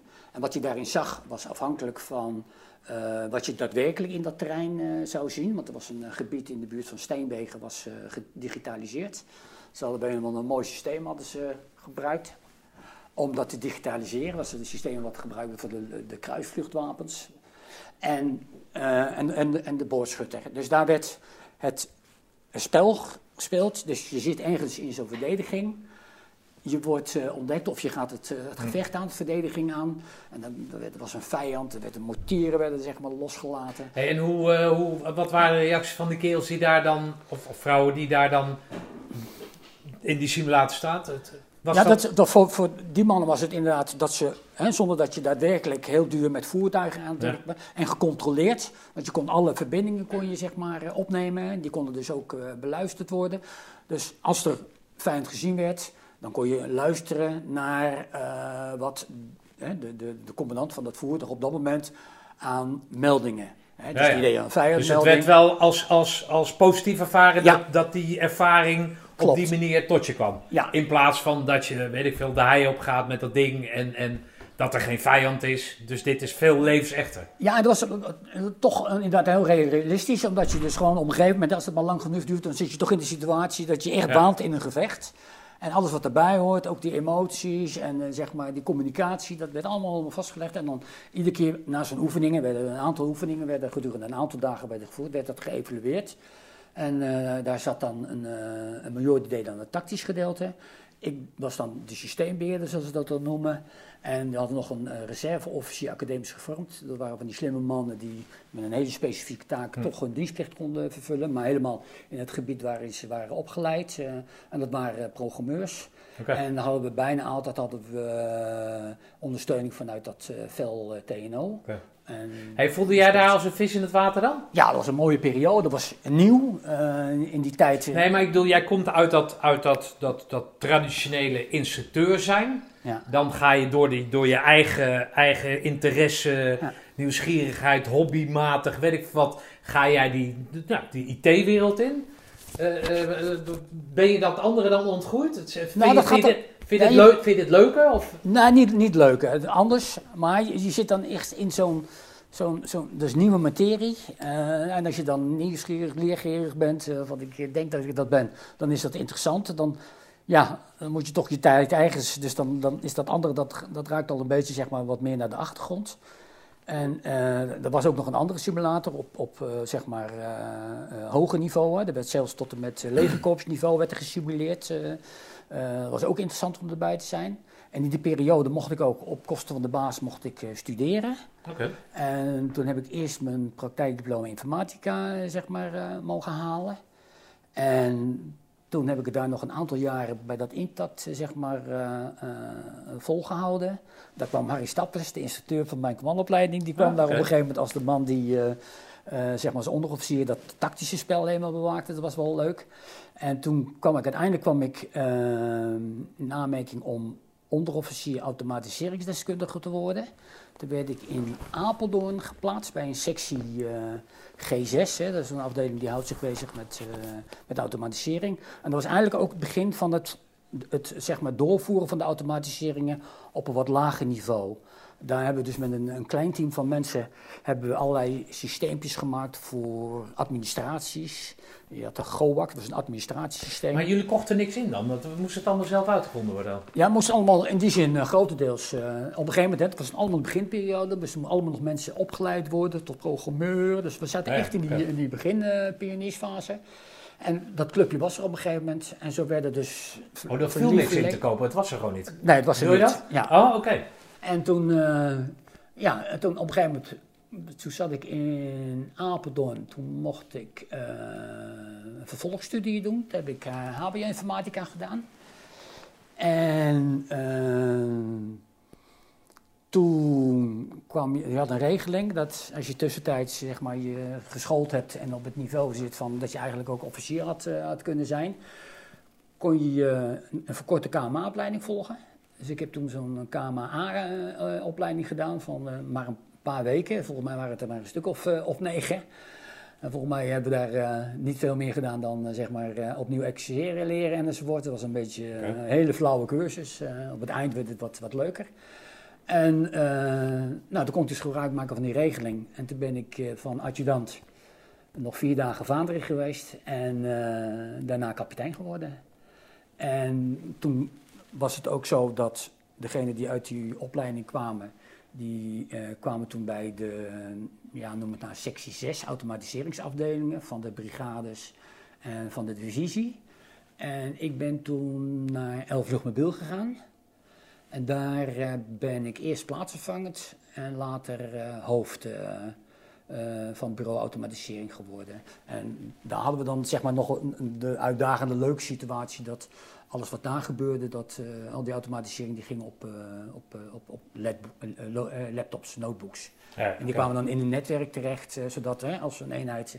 ja want het, jullie groeiden mee met, met de ontwikkelingen in de wereld natuurlijk. Dus het Ja. werd steeds geavanceerder. Ja, wel een netwerkjes en, en dat was een prachtige baan, want je was zeg maar als, als, als hoofdje van zo'n afdeling, dat vooral burgers, want ja, binnen Defensie waren er eigenlijk geen mensen met, met automatiseringsachtergronden.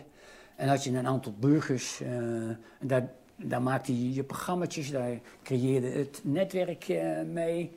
Eh, bij Elfdag Mobiel hadden we het denk ik ook wel, wel goed voor elkaar. Had je daar een rode bret voor nodig om dat te worden? ja, dus die heb ik ook nog. ik was denk ik een jaar of veertig. Oh.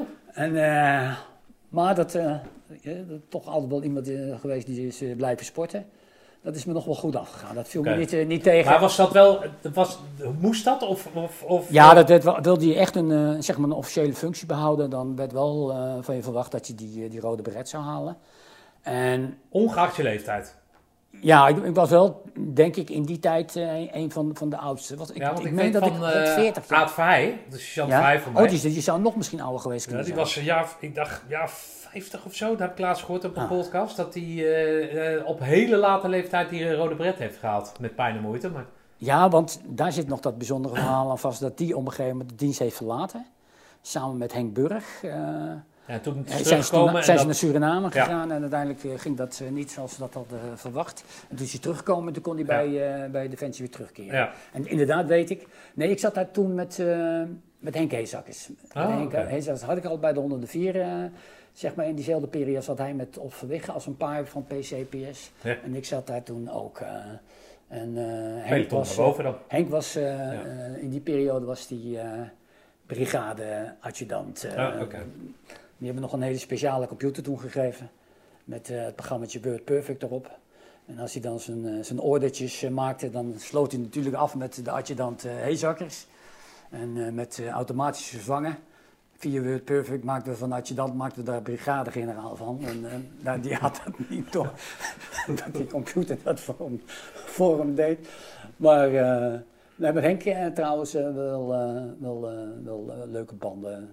Ik kan me ook nog herinneren dat we samen de, de Vierdaagse gelopen hebben. Hij, Dus je komt, ja, dat is natuurlijk gebruikelijk in, in dat apparaat. Ja. Soms kom je mensen tegen op plekken Ja. waar je ze zo 1, 2, 3 niet verwacht, maar die ook zo'n stap moeten maken om een functie hoger te geraken. Oké. Ja, en, en, maar uiteindelijk eh, zeg maar, is dat mijn laatste functie bij, eh bij Defensie. Even terugkomt op die rode bret, kost je dat? Ja, tuurlijk ben je fit, maar je bent eh, desondanks ben je toch 40. Wat, hoe ging je dat af dan? Ja, je- je- ik liep daar al met mijn... mijn oh, waar komt er Nico? Nou, Is kapitein wordt even eh, herinnerd aan staken. een geautomatiseerd huis. Nee, maar ehm, wat wilde ik zeggen? Geautomatiseerd. ja, ik probeer het verborgen te houden, maar nee hoor. er is altijd iemand die meekijkt. Ehm, wat wilde ik nou zeggen? Nou ben ik eventjes de draad kwijt. Wat Over Henk dat? Heesakkers. Ja, eh, maar wat wilde ik nou zeggen? Ik weet het niet meer. Hmm. Nou ja, ik zei van je komt één keer de zoveel tijd kom je mensen tegen die je dan niet. niet eh, en daarna vroeg ik van die, die, die, die rode bret. Of, of hoe, hoe dat dan ging. Of Oh nee, nee, ik liep daar al zeg maar, met mijn groene beret. Hè? Dus, je- Oh, je liep met groene Met mijn groene beret. Ah, eh, en uiteindelijk moet je die omruilen. Dus je weet dat het op je gelet wordt. Dus je wist dat het eraan eh, zat te komen. Dus ik had me toen ook wel weer in een behoorlijke periode goed kunnen voorbereiden. En eh, ja, ik, ik heb me daar, eh, daar eh, denk Ja, ik zelfs had- met, met ja. de beste goed staande kunnen houden. Want, Je had ook niet anders gekund natuurlijk. Nee, en je weet, hè, want dat, dat, dat wist je natuurlijk om het is, het is een beetje een variant op zoals wij het ook in, in, in Roosendaal deden. Maar natuurlijk allemaal een graadje minder. Maar die leeftijd maakt het natuurlijk ook wel, toch nog wel Ja. pittig. Maar niet, niet super zwaar. Nee, maar niet als je daar pontificaal met die groene beret rondloopt en dan Dan- als kapitein, Ja. dan ga jij natuurlijk niet zeggen van, eh, goh, ik ga op slippers lopen want ik heb een blaar. Dat, eh, dat, nee, eh, en, en dat weet je van tevoren. Dus je zorgt wel dat je fit aan de start staat als je daarmee gaat beginnen. Oké, ja, als we dat dan, nou ja, we hebben het dan niet heel erg over die tranenpoort gehad, maar wat gaat er dan door je heen als je, als je hem dan die rode bret binnen handbereik hebt? Wat, wat, wat, Ja, nee, eigenlijk niet, Nee? niet heel veel. Nee, nee. Oh. Ik, ik kan me... dat is Nee, ook nee. weer jammer, hè? Dat Ja, nee, dus weer misschien, eh, we- we doen misschien het... Nee, eh, maar omdat je wat ouder bent al, je bent toch al, je bent toch al een tijd een, ja, maar- weg uit dat hele actieve Ik, ik weet het niet meer precies, maar ik, ik, ik, ik, ik zie me nog bij de bospomp staan. Ik zie ons inderdaad binnen eh, lopen. Ik ervaar nog eh, de ervaring die je hebt als je door die poort gaat. eh, je poot helemaal kapot. ja, als je En zo- 41 bent, dan relativeer je het misschien een beetje. ja, ik, ik, ik heb daar een- nauwelijks eigenlijk geen emotionele Maar herinneringen je vrouw en kinderen, die waren wel om je, oh, dat, eh, of was dat... Ja, die waren ook wel, maar Ah, het, het, het ging toch Bloemen op heb je een niet, doe die bloemen maar niet. Ja, nou, zo doen, Ja, doen- hè, dit, dit moest, dus dit hebben we gehad. Ja, en eh, laten we We gewoon kunnen doorgaan. het niet romantisch Ja. maken dan dat het, eh, dan Nee, wat het is. nee. Maar dat, ik wil zeg maar, de mensen die het wel gehaald hebben, de, die het ook gehaald hebben, en voor wie het inderdaad toch, hè, misschien net eventjes vanuit een andere context, die er natuurlijk hartstikke trots, wil ik ook niet tekort doen. Hè, want Nee, het is wel, het is natuurlijk het is wel een prestatie. eh, nee, toen bestonden ze al een tijdje. ja, toen bestond het al een tijdje. Ja. Nou ja, dat blijft natuurlijk een prestatie. Maar ja, voor mezelf was het eh, Ja. emotioneel gezien en, en ook zeg maar fysiek toch net niet. wat Maar dat is dus jouw was. laatste, jouw laatste functie. Ja, want toen dat was een echt een mooie pioniersfase met een hoop dingen zelf kunnen doen. En, het was alles gedecentraliseerd. En toen werd de beweging gemaakt om alles te centraliseren. Eh, op termijn en niet onmiddellijk zou mijn functie, die zou, of al die functies van die lokale eh, automatiseringsafdeling, die zouden ook opgegeven worden. Alles zou naar Den Haag of het Duivenman Computercentrum gegaan. En wij hadden toen wat mensen ingehuurd om, het was allemaal nieuw hè, dat, dat, dat inrichten, dus ook het beheer moest ingericht worden. Uh, Capgemini eh, waar hadden we toen ingehuurd, daar kwamen allemaal specialisten en die leerden ons binnen de Koninklijke Landmacht het procesmatig werken op IT-gebied. Hm. En nou, die, die hebben mij toen overgehaald om, om naar Capgemini te gaan. Oh, ik ben toen, eh, en, en, Oh, na, na, na je, na je functioneel, eh, Ja. functioneel en, eh, leeftijdsopslag. het was, Oké. ja, en, Oh, dat want- is wel een want- maar- compliment, of niet? Ja, in, in die zin, eh, ja. Uiteindelijk is het voor mij niet geworden wat ik ervan verwacht had. eh, maar we waren toen zo schaars. eh, je- ik had toen, zeg maar, je had ook eh, toen een bindingspremie voor de mensen die toch geautomatiseerd waren. Die werden dus eh, een beetje geholpen met een premie. Een gedurende iets van drie of vier jaar kreeg je 10% extra op je jaarsalaris. En ik had er denk ik toen al iets van twee of drie jaar op zitten. Maar zo'n partij als eh Capgemini. En dan, als je dan toch in die periode, zeg maar, hè, als je gezegd oké, ik wil die heb je, ga je dan toch de dienst uit, dan moet je dat terugbetalen. Ah, en ik moest het ook wel terugbetalen, maar ik heb dat zelf niet hoeven betalen, want dat deed, Dat eh, deden zij. dat deed de Ah, Nee, maar als je door zo'n commerciële partij wordt, wordt meegenomen, ondanks zeg maar dat je, ja, het komt natuurlijk Ja. allemaal goed uit en je bent natuurlijk hartstikke jong nog. Maar dan is dat een compliment dat je, dat je, dat je, dat je niet eh, daar eh, Nee, eh, onzin hebt lopen nee zo, zo, zo, zo, zag ik het inderdaad. Ja, En toen ben ik bij de automatiseringsafdeling terechtgekomen van de immigratie, de IND, de Immigratie- en Naturalisatiedienst. Nou, dus jij, zij detacheerde jou natuurlijk Ja, ook weer. ja, je werd er eigenlijk eh, een korte introductie en eh, Ja. natuurlijk wel ook gewoon dat selectietraject moeten, moeten doorlopen. Eh, maar uiteindelijk werd ik dus eh, aangenomen en toen kwam ik in Rijswijk terecht en daar bedienden we de automatisering voor de IND en het COA, Centraal Orgaan Ja. Opvang Asielzoekers. Hé, maar dan is het toch wel grappig dat je dan... Dus je komt zeg maar uit dat hele militaire dingen, uit Roosendaal. Dan, Mhm. dan ga jij je, je, je, je hobby, daar maak jij eigenlijk je, je beroep van. Ja. Maar dan, nou, zoals jij al aangeeft, dan maak je door die, doordat er natuurlijk niet veel expertise in dat leger, maak je al gebruik van krachten uit de, uit de burgermaatschappij. Dus je bent al gewend met burgers te werken. En dan na je flow ga je dan helemaal met burgers werken. Dus voor jou is het heel langzaam, Ja. zeg maar, naar, naar, naar dat met de burgers werken. Als je het zo mag noemen. Maar Ja. Dus, maar, maar, maar wat Nou, vind jij leuker dan, zeg maar? Ik, ik, heb toen, nou, ik heb denk ik iets van 14 maanden denk ik bij Capgemini volgehouden. Omdat een aantal dingen zeg maar tegenvielen. Eh, al die functies die waren in de Randstad. Eh, We waren toen eh, hier in Harderwijk gaan wonen, geen plan om te verhuizen. Dus het was elke dag op en neer in het begin naar, eh, naar Rijswijk en, Ja, ja. en eh, later werd het Zoetermeer. Dus constant in de files, zowel s ochtends als, als s avonds. Allerlei andere verplichtingen en wat extra studies. Het was best wel intensief. En toen begon ik ook toch wel een beetje, voor de eerste keer begon ik Defensie wat te missen. En toen was ik geselecteerd om bij het NTC in Gouda, was ook nieuw, Wat is eh, interessant?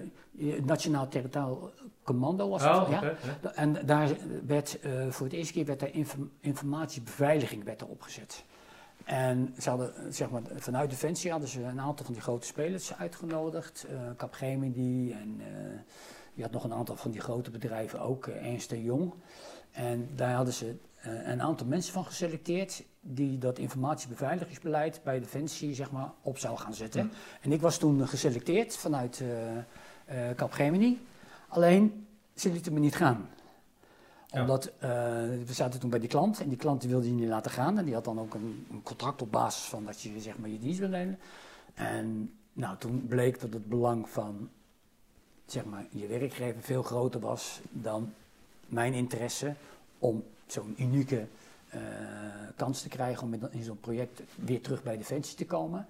Dat, eh, dat mocht dus niet doorgaan, omdat het belang van de klant groter was. Dus aan de ene kant was het, eh, het compliment was van, ze wilden je niet laten gaan. Maar tegelijkertijd eh, ja, kwam dat eh, koud op je dak in de zin van, ja, maar zo hadden we het niet in het begin afgesproken. Oké. En toen, toen ben ik daar weggegaan. eh, Ontslag genomen. eh, ontslag genomen. En toen ben ik manager exploitatie en beheer geworden van een, eh, grote arbeidsdienst. Waar eigenlijk twee arbeidsdiensten gingen samen fuseren. Maar dat heeft allemaal met IT te en maken. ja, ja, Ja, dus dan stuur jij als manager stuur jij processen aan of zo. ja.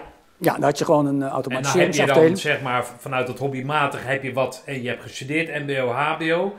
Maar als manager hoef je het natuurlijk allemaal niet zelf te snappen, maar je moet wel de structuren, zeg maar, Klopt, kennen. ja. Maar, want, want je bent al wat ouder hè?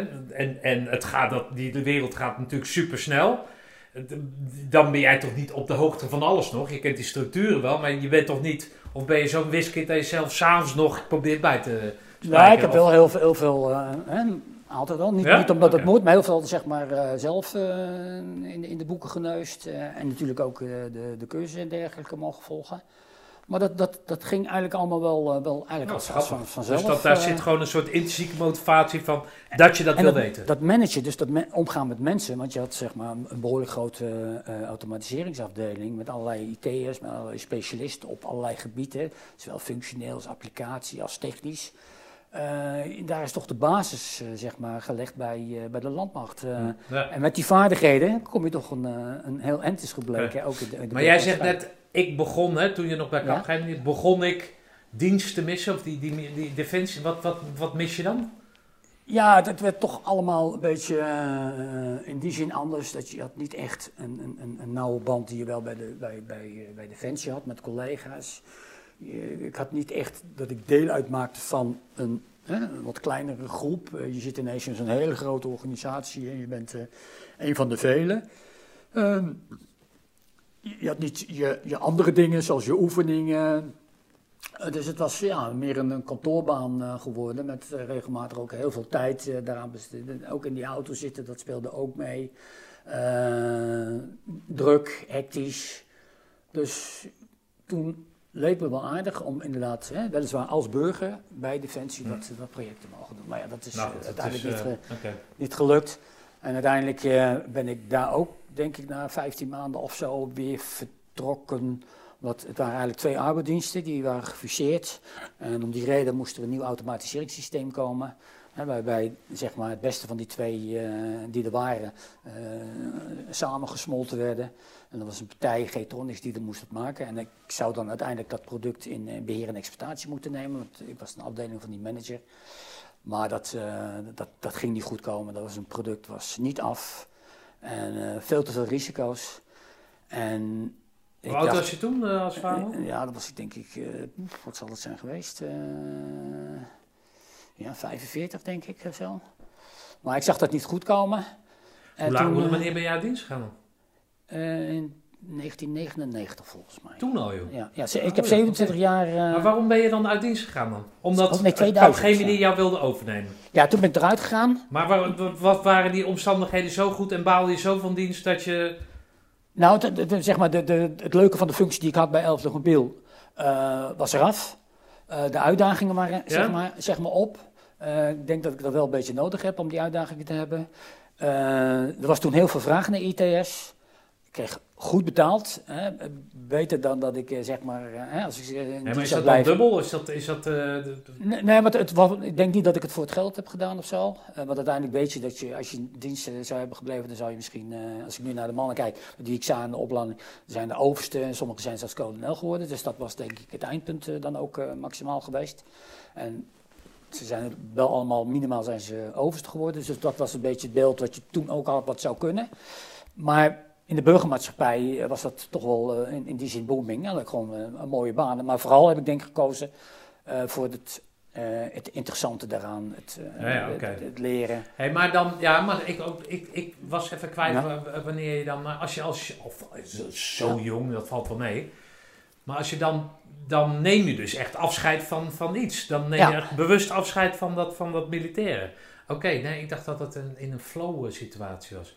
Oké, dat is wel even anders dan ja. Dan krijg je wel Ja, een nee, andere kijk op ja. Ja, dus dat was het, ja, de, de, de, de, koek was op, zelfs dan Ja. zeggen de Hey, uitdagingen. maar waren- heb, je daar achteraf gezien dan spijt van of zo? Nee, nee, niet echt. Anders dan dat ik dus wel, hè, had ik niet verwacht, toch eh, Dat eerder dan missen. dat, dat toch wat, wat ging missen. En dat was niet zeg maar. eh het waren toch zeg maar de, de samenhorigheid die je bij Defensie wat meer hebt dan zeg maar zo'n commerciële organisatie. Eh. Wat heb jij nu nog met, eh, behalve, nou ja, je hebt dan eh, een paar eh, eh, groepjes hè, vanuit je eigen ECO. eh, die pelotons, pelotons waar je PS bent Mhm. geweest. Eh, wat, Ja. wat is jouw band nog met dat, eh, met dat militaire? Nou, zo af en toe inderdaad eh, wat mensen spreken. Eh Herman Kuiper en zijn vrouw Erna. eh, En dan is een maatje van mij en Erna is een vriendin van, eh van José. Die zien we nog regelmatig. Hij zit Ja. nog steeds in dienst. Nee, hij is, hij is eruit. ehm, eh, maar werkt nu wel als, als, als burger nog bij, eh, bij Ro- in, eh, in Roosendaal. Oh, oké. Hij zit zeg maar, bij een traject waarbij zeg maar, specialisten uit de dienst toch met een specifieke kennis en ervaring Oh, dat doet Bert ook. ja, binnengehaald Ja, kunnen worden om toch verdienstelijk te zijn voor Ja, ook in grappig. situaties dat dat nodig is. Oké. Ja. Ja, en ja, voor de rest eh, zijn het de, de, de reunies en inderdaad eh, in de appsgroepen die, eh, dat- je nog wat meekrijgt. En ja, dat vind ik dan wel mooi dat je toch zo'n periode met elkaar gedeeld hebt. Hè. Soms maar heel kort, of dat je instructeur bent geweest, of net wat langer, omdat je een, een, een lichting met ze gedraaid hebt, met 104 of PS. Dan zie je dat die clubjes toch heel bijzonder en eh, uniek met elkaar om blijven Ja. gaan.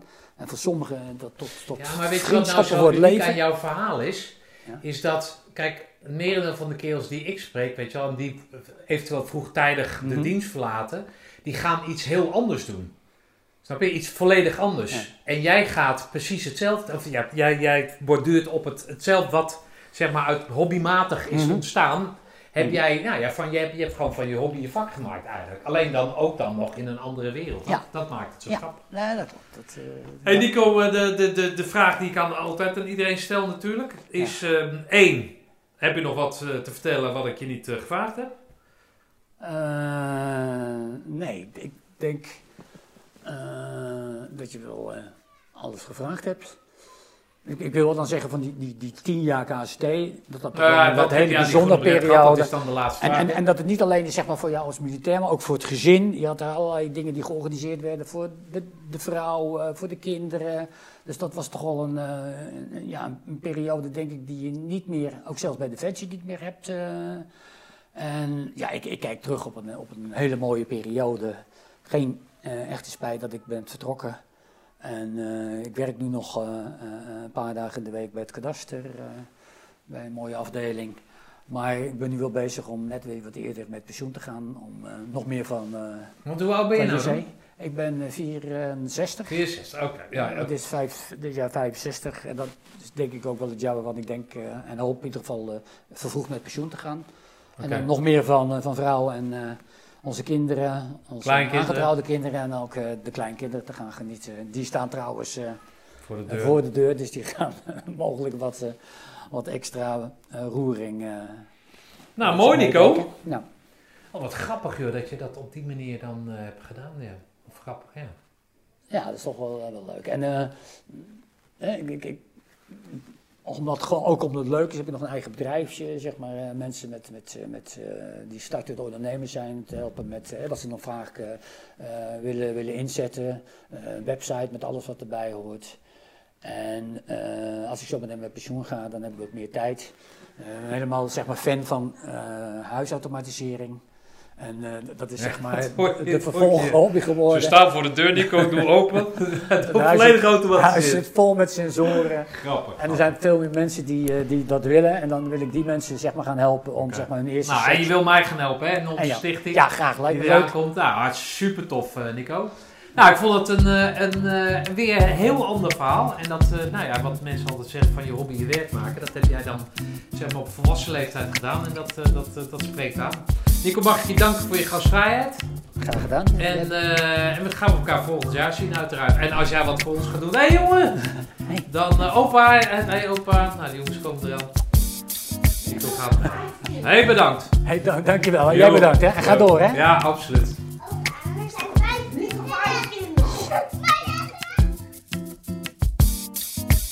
Nou, dat was hem dan weer. Nico en José, ik wens jullie al het goeds samen met jullie kinderen en kleinkinderen. Daarnaast ben ik Nico zeer dankbaar dat hij zijn automatiseringstalenten wil gaan inzetten om de Mutstas podcast en Stichting Jouw Verhaal op een hoger plan te zetten.